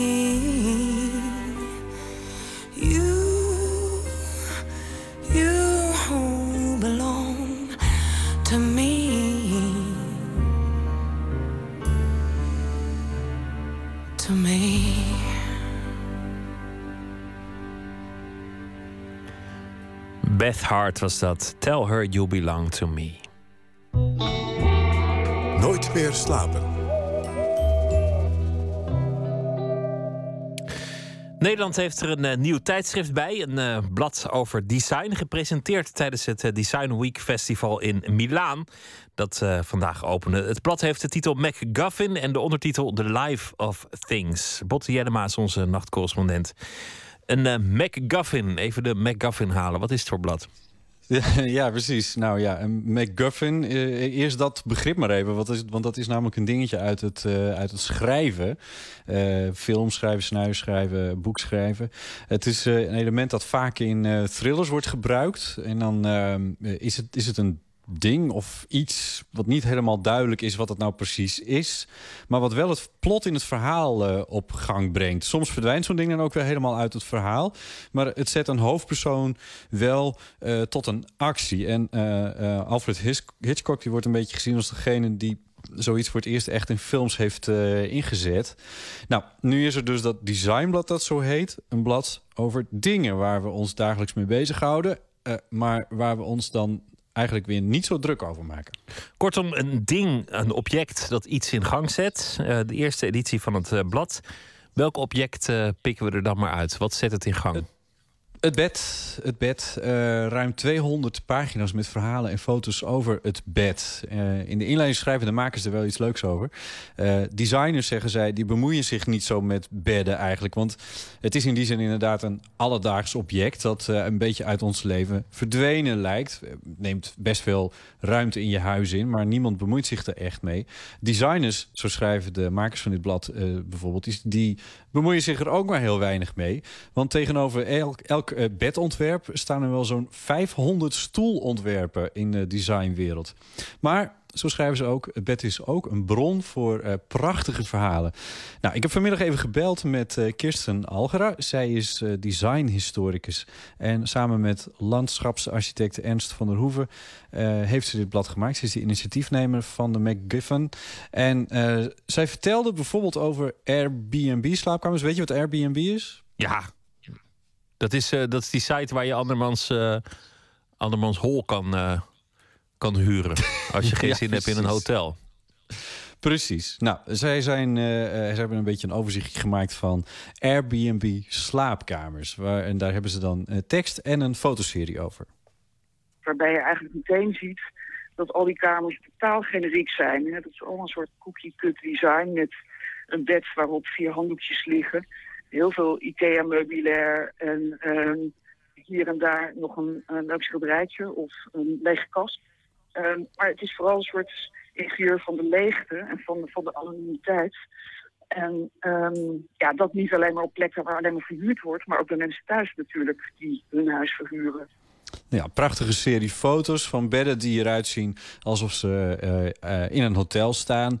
Eh, de eigenaren die hebben hun persoonlijke spulletjes daarbij eh, weggehaald. Eh, misschien staat er nog een, een enkel boekje op een plankje in een hoekje. Meubilair verder is vervangen door tamelijk inwisselbaar IKEA-spul. en het staat allemaal op een laminaatvloertje. Het is echt ongelooflijk, maar over de hele wereld hebben ze dit verzameld. En het ziet er overal exact hetzelfde uit. Pet strak opgemaakt, handdoekjes erop. Het ziet er precies hetzelfde uit. En dan is het natuurlijk heel leuk om na te denken... wat er nou eigenlijk gebeurt met onze interieurs. Ook interessant is dat designbladen meestal gaan over, over nieuwe dingen. Zij nemen dus gewoon objecten die al lang in gebruik zijn, bestaande eh, dingen. Ja, nou en eh, zeker op zo'n design week eh, eh, als er nu in Milaan aan de hand is, daar gaat het vooral over nieuwe dingen. Maar het leeft daar dit idee van de bestaande dingen. dat idee dat leeft daar wel een klein beetje, zegt, vertelde Kirsten Algra mij. Onze Nederlandse ontwerpster Helle Jongerius... die komt daar met een manifest. Die is daar ook in Milaan. Eh, een manifest om eigenlijk geen nieuwe dingen meer te maken. Want, zo schrijft ze, eh, er is een obsessie met het nieuwe. Ze schrijft dat samen met eh, iemand van de Design Academy in Eindhoven... Louise Schouwenberg. Ehm, en we moeten maar eens een keertje af van die obsessie met het nieuwe, zo schrijven. Kunnen we de bestaande dingen niet een tweede leven geven, vragen ze zich af. Nou, als je het manifest, dat staat gewoon op een website, daar kun je het vinden. De website van Helle Jongerius. Maar Eh, eigenlijk is het meest bijzondere, eh, eh, naast dat ze dus inderdaad beschouwen op bestaande zaken... in plaats van dat ze echt het nieuwe onderzoeken... dat ze dat blad daar in Milaan niet alleen mogen presenteren... maar dat ze dat ook nog eens op een van de meest prestigieuze plekken mogen doen... namelijk het Palazzo Clerici. En daar hebben ze er iets heel bijzonders van gemaakt. Ja, wat we hebben gedaan is geen ontwerp hier presenteren, maar een enorme collectie vogelnesten. Natuurlijk ook bedden zijn, maar dan voor eh, kleine vogeltjes en kuikens. Ehm, en dat vond mij ook wel een goed statement hier tussen al die spullen. eh, dat er een hele grote tafel met vogelnesten ligt. Ja, je, hoort eraan dat, ze, eh, dat de telefoonlijn van ver komt. Dat klopt, want ze is al in Milaan om dat allemaal op te bouwen. Eh, die Design Week die opent daar eh, vandaag. En die vogelnestjes waar ze het over heeft... die komen ook terug in dat tijdschrift over het bed.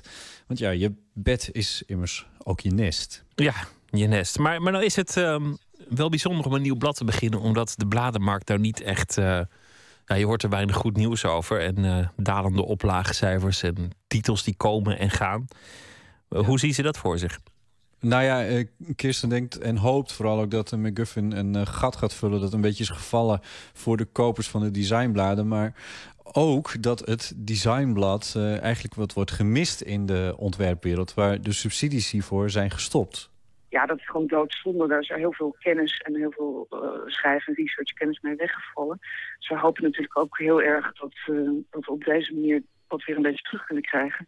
En ik geloof ook wel dat in elk geval de Nederlandse subsidiegevers ook wel een beetje daarvan terugkomen en proberen dat terug te draaien hoor. Omdat ze merken dat het eh, heel belangrijk is dat je dit soort platforms hebt.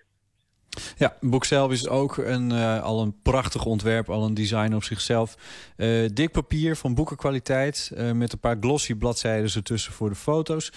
Ruim 200 pagina's, 220 ongeveer. En bijna van een A4-formaat. Dus dat is een flinke blok papier die je dan hebt. Plus dat er ook wel een twee dozijn aan interessante mensen aan mee hebben gewerkt. Aan de MacGuffin. Kortom, het is niet een soort blad als de Viva. Het heeft al wat meer om handen. Het is een, een periodiek met eh, gewicht.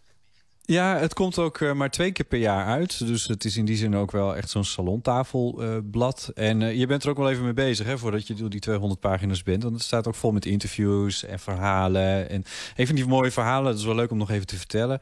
Mooi verhaal over een IJslands stel dat in eh, Amsterdam is komen wonen. En de, om, ja, dan moet je een bed kopen, dus dan kopen ze dan bij Ikea. Een beetje inwisselbaar allemaal. Ehm, maar gedurende de tijd... hebben ze dat langzaam versierd door eh, eh, houtsnijdwerkjes in, eh, in de randen van het bed te maken. Met afbeeldingen van wat er zoal in de slaapkamer gebeurt. Bijvoorbeeld dat er een, een, op een gegeven moment een vogeltje de slaapkamer is ingevlogen. Nou, dan hebben ze er een vogel op ge, ingekerfd en dat soort dingen. En dan ziet zo'n bed er ineens totaal anders uit. Oh, dat klinkt nog vrij onschuldig van dat vogeltje. Ik dacht, ik dacht een heel ander soort houtsnede. Ik denk een, een, een hele wilde taferelen op de rand van het Ja. bed. Nou, daar snijd je wel iets interessants aan. Want op de voorpagina daar eh, staat dus een eh, innige omarming van een tamelijk blote jongeman met een, eh, met een mevrouw op een bed. En dan denk je dus, nou, dan zal het ook wel eens een keertje de seksuele kant op gaan als je dan toch over het bed schrijft.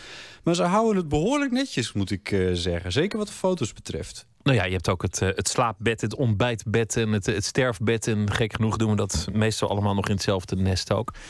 En, we, we beginnen er en we eindigen er. De MacGuffin, kortom, een eh, nieuw eh, tijdschrift. Eh, laten we hopen dat het een succes wordt. Botte Jellema, dankjewel. Een hele goede nacht. Goeienacht. Josh Rouse is een Amerikaanse singer-songwriter. In 2005 vertrok hij naar Spanje, Valencia, want hij werd verliefd op een Spaanse. Nieuw album, The Embers of Time. En daarin bezingt de Amerikaanse singer-songwriter zijn gebrek aan zelfvertrouwen. Veelzeggend is het volgende nummer Some Days I'm Golden.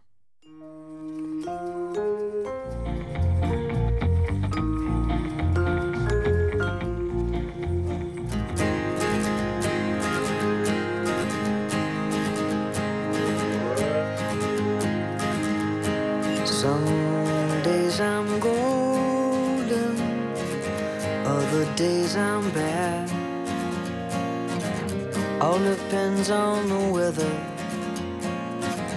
and how many drinks I've had. But I keep on moving baby. I can't slow down. The last few years it's been a struggle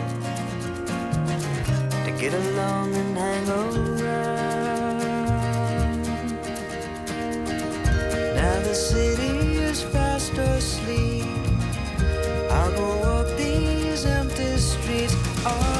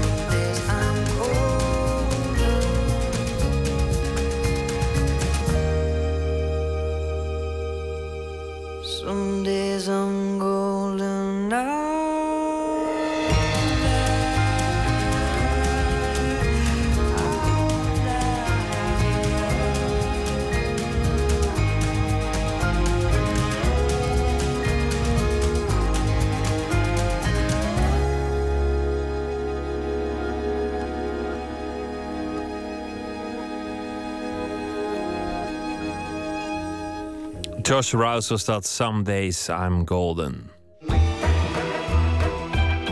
Nooit meer slapen. Hij geldt als eh, een van de belangrijkste kunstenaars van Nederland, Armando. Het boek Armando tussen het weten en begrijpen geeft een overzicht van zijn oeuvre van schilderijen, beelden en teksten. 85 jaar oud is hij. Hij denkt nog niet aan stoppen, maar hij werkt toch eh, als een bezetene aan nieuwe dingen, maar ook aan het verwoesten van oud werk. Verslaggever Emmy Colau die zocht hem op in Amsterdam eh, in zijn appartement op de tiende verdieping van een flat in eh, niet Amsterdam, maar Amstelveen trouwens.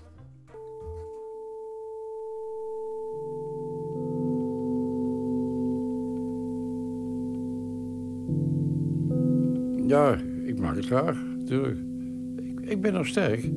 Ja? Ja, al ben ik 85. Ik loop slecht, maar ik ben wel wel sterk. Nog. Dus u ondervindt geen fysieke hinder om te Nee. kunnen scheppen? Nee, nee, nee. Nee, absoluut niet. Nee. Want u heeft wel last van uw arm, toch? Ja, van wat niet eigenlijk. Ja. Nee, ik heb geen last van mijn arm. Maar ik ben niet helemaal zeker van, mijn, van die rechterarm. Maar dan heb je altijd nog je linkerarm. Ja. Nou, ook nog, ja. ja. Nog. Armando zit voor het raam met wijds uitzicht over de weilanden rondom Amstelveen. En de golfbaan die er jammer genoeg werd aangelegd. Hij zit in zijn nieuwe stoel, die net voor dit gesprek aangeleverd werd.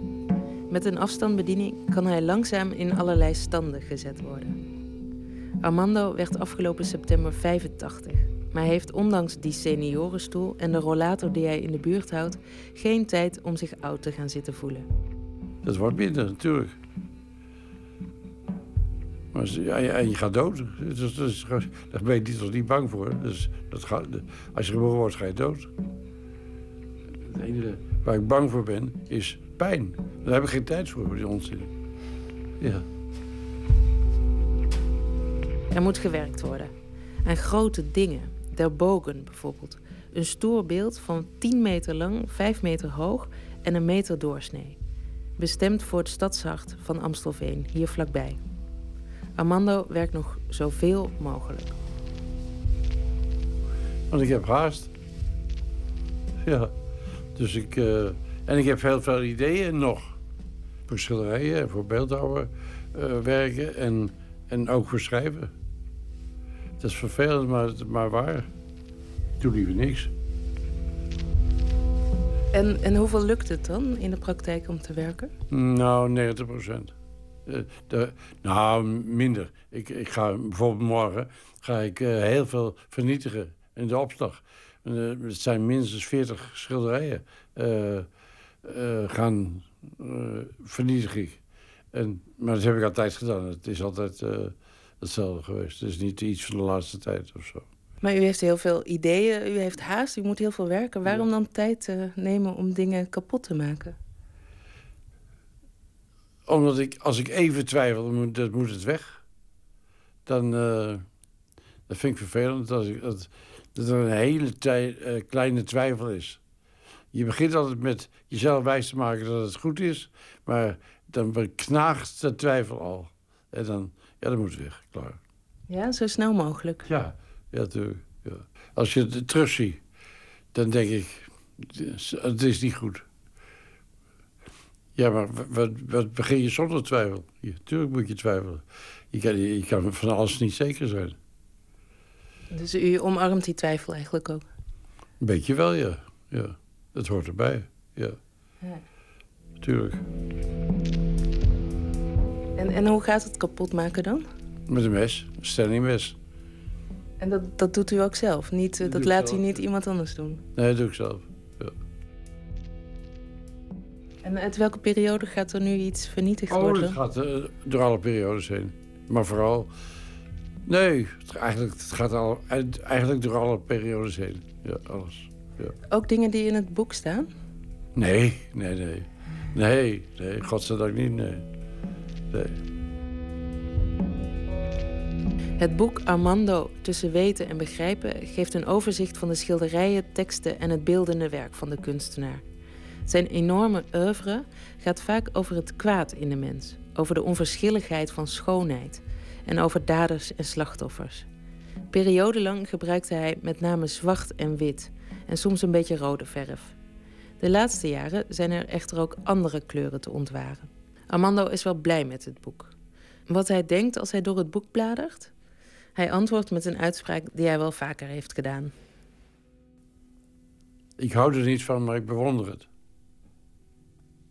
Ik hou niet van de thematiek, maar ik verbaas me erover dat ik daar toen in staat was.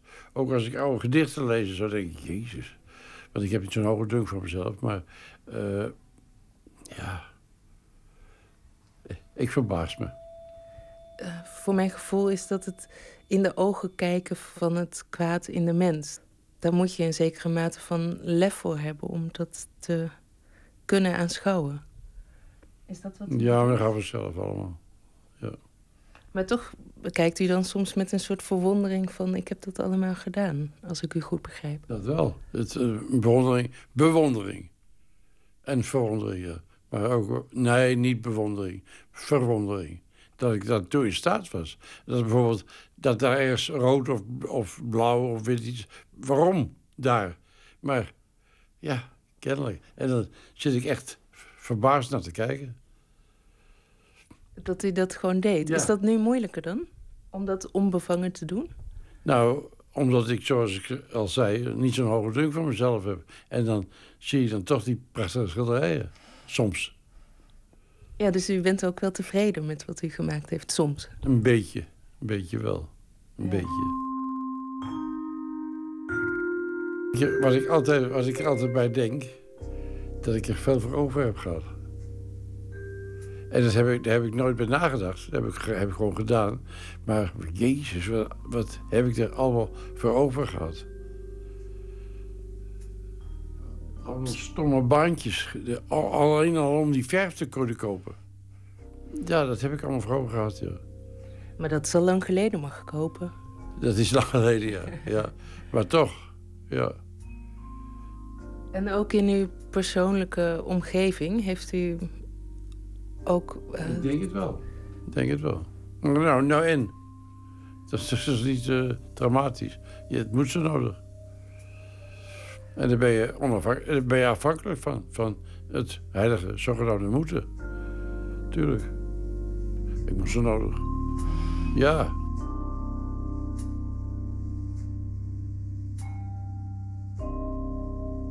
Maar hebben er mensen onder geleden? Onder uw heilige moeten? Dat weet ik niet. Dat, weet, dat hoop ik van niet. Dat hoop ik van niet, maar dat weet ik niet. Uw werk wordt natuurlijk altijd in verband gebracht met de oorlog, met name met de Tweede Wereldoorlog. Ehm, hoe kijkt u eigenlijk naar deze tijd? De afgelopen jaren is er zoveel geschreven over oorlogen en geweld overal ter wereld. Ja, dat volg ik ook, uiteraard. Een beetje. Op mijn manier. Maar eh, eh, de Tweede Wereldoorlog, dat is mijn jeugd. Klaar. En iedereen schept vooral vanuit zijn jeugdjaren. En, en mijn jeugdjaren zijn onder andere die oorlog. Maar ik heb het niet alleen maar over die oorlog. Ik ben geen Tweede Oorlog, Tweede Wereldoorlog schilder. Ik ben... eh, ik heb het over de mensen in het algemeen. Ja, toen ik naar uw schilderijen keek, toen dacht ik ook van ja, als je dit goed in je hoofd geprent had, dan hoef je je nu niet te verbazen over wat er nu overal ter wereld. Nee, daar verbaas ik ook niet over. Ik heb geen hoge dunk voor de mensen. Want ik ben er zelf ook een. Maar ik heb geen, geen, niet zo'n hoge dunk. Maar dat is een kwestie van eh, de, de geschiedenis lezen. Dan, eh, de- dan denk ik dat de mensheid erop vooruit gaat. Eh, hoopt u dat wel eens? Of heb je Nee. dan toch die naïeve dat je wel eens denkt van, maar zou het niet alsjeblieft? Nee, gek. Nee, dat denk ik nooit. Ik, ik probeer er zo, min mogelijk aan toe te geven. Aan, eh, aan deel te nemen. Maar mensen zijn er dol op oorlog. Kennelijk. Dus eh, er wordt- voortdurend strijd geleverd. Overal in de wereld. Nee, ik denk niet dat, eh, dat er mensen er beter op worden. Nee, dat is toch Maar ontzettend... ze zijn er wel. Dus ze zijn er wel. Maar de meerderheid is... deugt niet. Maar er zijn wel goede mensen. Dat denk ik wel, ja. Ja? Ja. Die door er goed zijn, ja. ja. Dat is ook wel fijn om toch te geloven. Want anders is het ook wel heel deprimerend allemaal. Ja, Of heeft u daar geen last van? nee, Nee? nee. Het is zo. Je kan ook moeilijk tegen de zee zijn. Die- De zee is wat die is. Namelijk de zee. En de mens is de mens.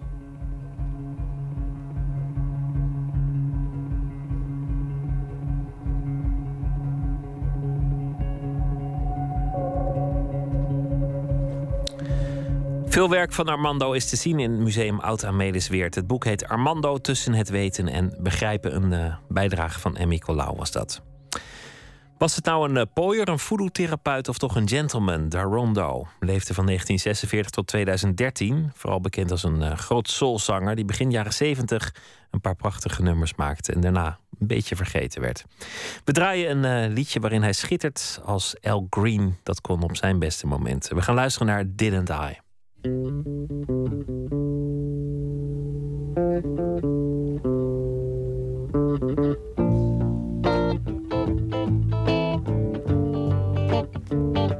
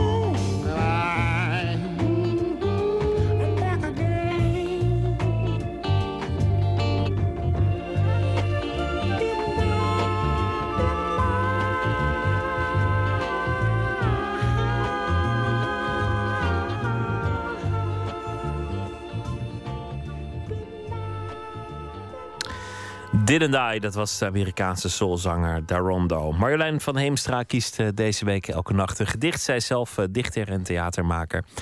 En ehm, vandaag eh, leest ze een gedicht van Amerikaanse dichter Anna Sexton... met de titel Gesloten deuren.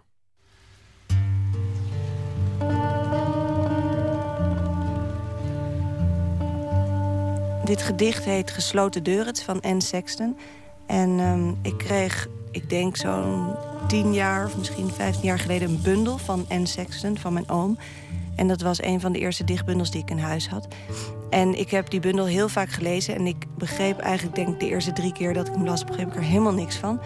Maar naarmate ik meer en meer las... begon ik langzaam maar zeker de gedichten te begrijpen. En dat was eigenlijk was Anne Sexton voor mij... haar werk was een beetje een les in, in eh, aandachtig lezen... en in een goede lezer zijn. En ook het leren hoe je poëzie moet lezen... en dat dat heel veel tijd en aandacht vergt. En dit is een van mijn lievelingsgedichten van haar. Gesloten deuren. Voor de engelen die hier in de stad wonen... laten we, hoewel ze voortdurend van vorm veranderen... elke nacht wat koude aardappelen en een kommetje melk op de vensterbank staan. Meestal wonen ze in de hemel, waar, tussen haakjes, tranen verboden zijn. Ze duwen de maan van hot naar her als een gekookte jam. De melkweg is hun klokhen, met haar vele kuikens. Als het nacht is, gaan de koeien liggen, maar de maan, die dikke stier, staat pal. Hoe dan ook, daarboven bevindt zich een gesloten kamer... met een ijzeren deur die niet open kan. Ze bevat al je kwade dromen. Het is de hel, Sommigen zeggen dat de duivel de deur aan de binnenkant vergrendelt. Anderen zeggen dat de engelen de deur aan de buitenkant vergrendelen. De mensen binnenin hebben geen water en mogen nergens aankomen. Ze barsten als makadam. Ze zijn stom. Ze schreeuwen niet om hulp, behalve van binnen, waar hun hart met made is bedekt. Ik zou graag de deur openmaken, de roestige sleutel omdraaien... en al wie gevallen is in mijn armen nemen. Maar ik kan niet. Ik kan niet. Ik kan alleen hier op aarde op mijn plaats aan de tafel zitten. Marjolein van de Heemstra las een gedicht van uh, Anne Sexton met de titel Gesloten deuren. Morgennacht leest ze weer een uh, gedicht voor u voor. Morgen dan komt uh, Joop Donkervoort langs. Hij is sportwagenbouwer, eigenaar van de autofabriek in Lelystad... waar zijn Donkervoort wordt gemaakt met de hand. Een sportwagen ultralicht, supersnel en knetterlegaal ook nog... want je mag er gewoon mee op de openbare weg. Morgen dus een gesprek over eh, de geneugten van de snelle auto. Ik wens u nu een hele goede nacht. Morgen een leuke dag. Graag weer tot dan. En straks BNL met Anne de Jong en zijn kornuiten. Goeienacht.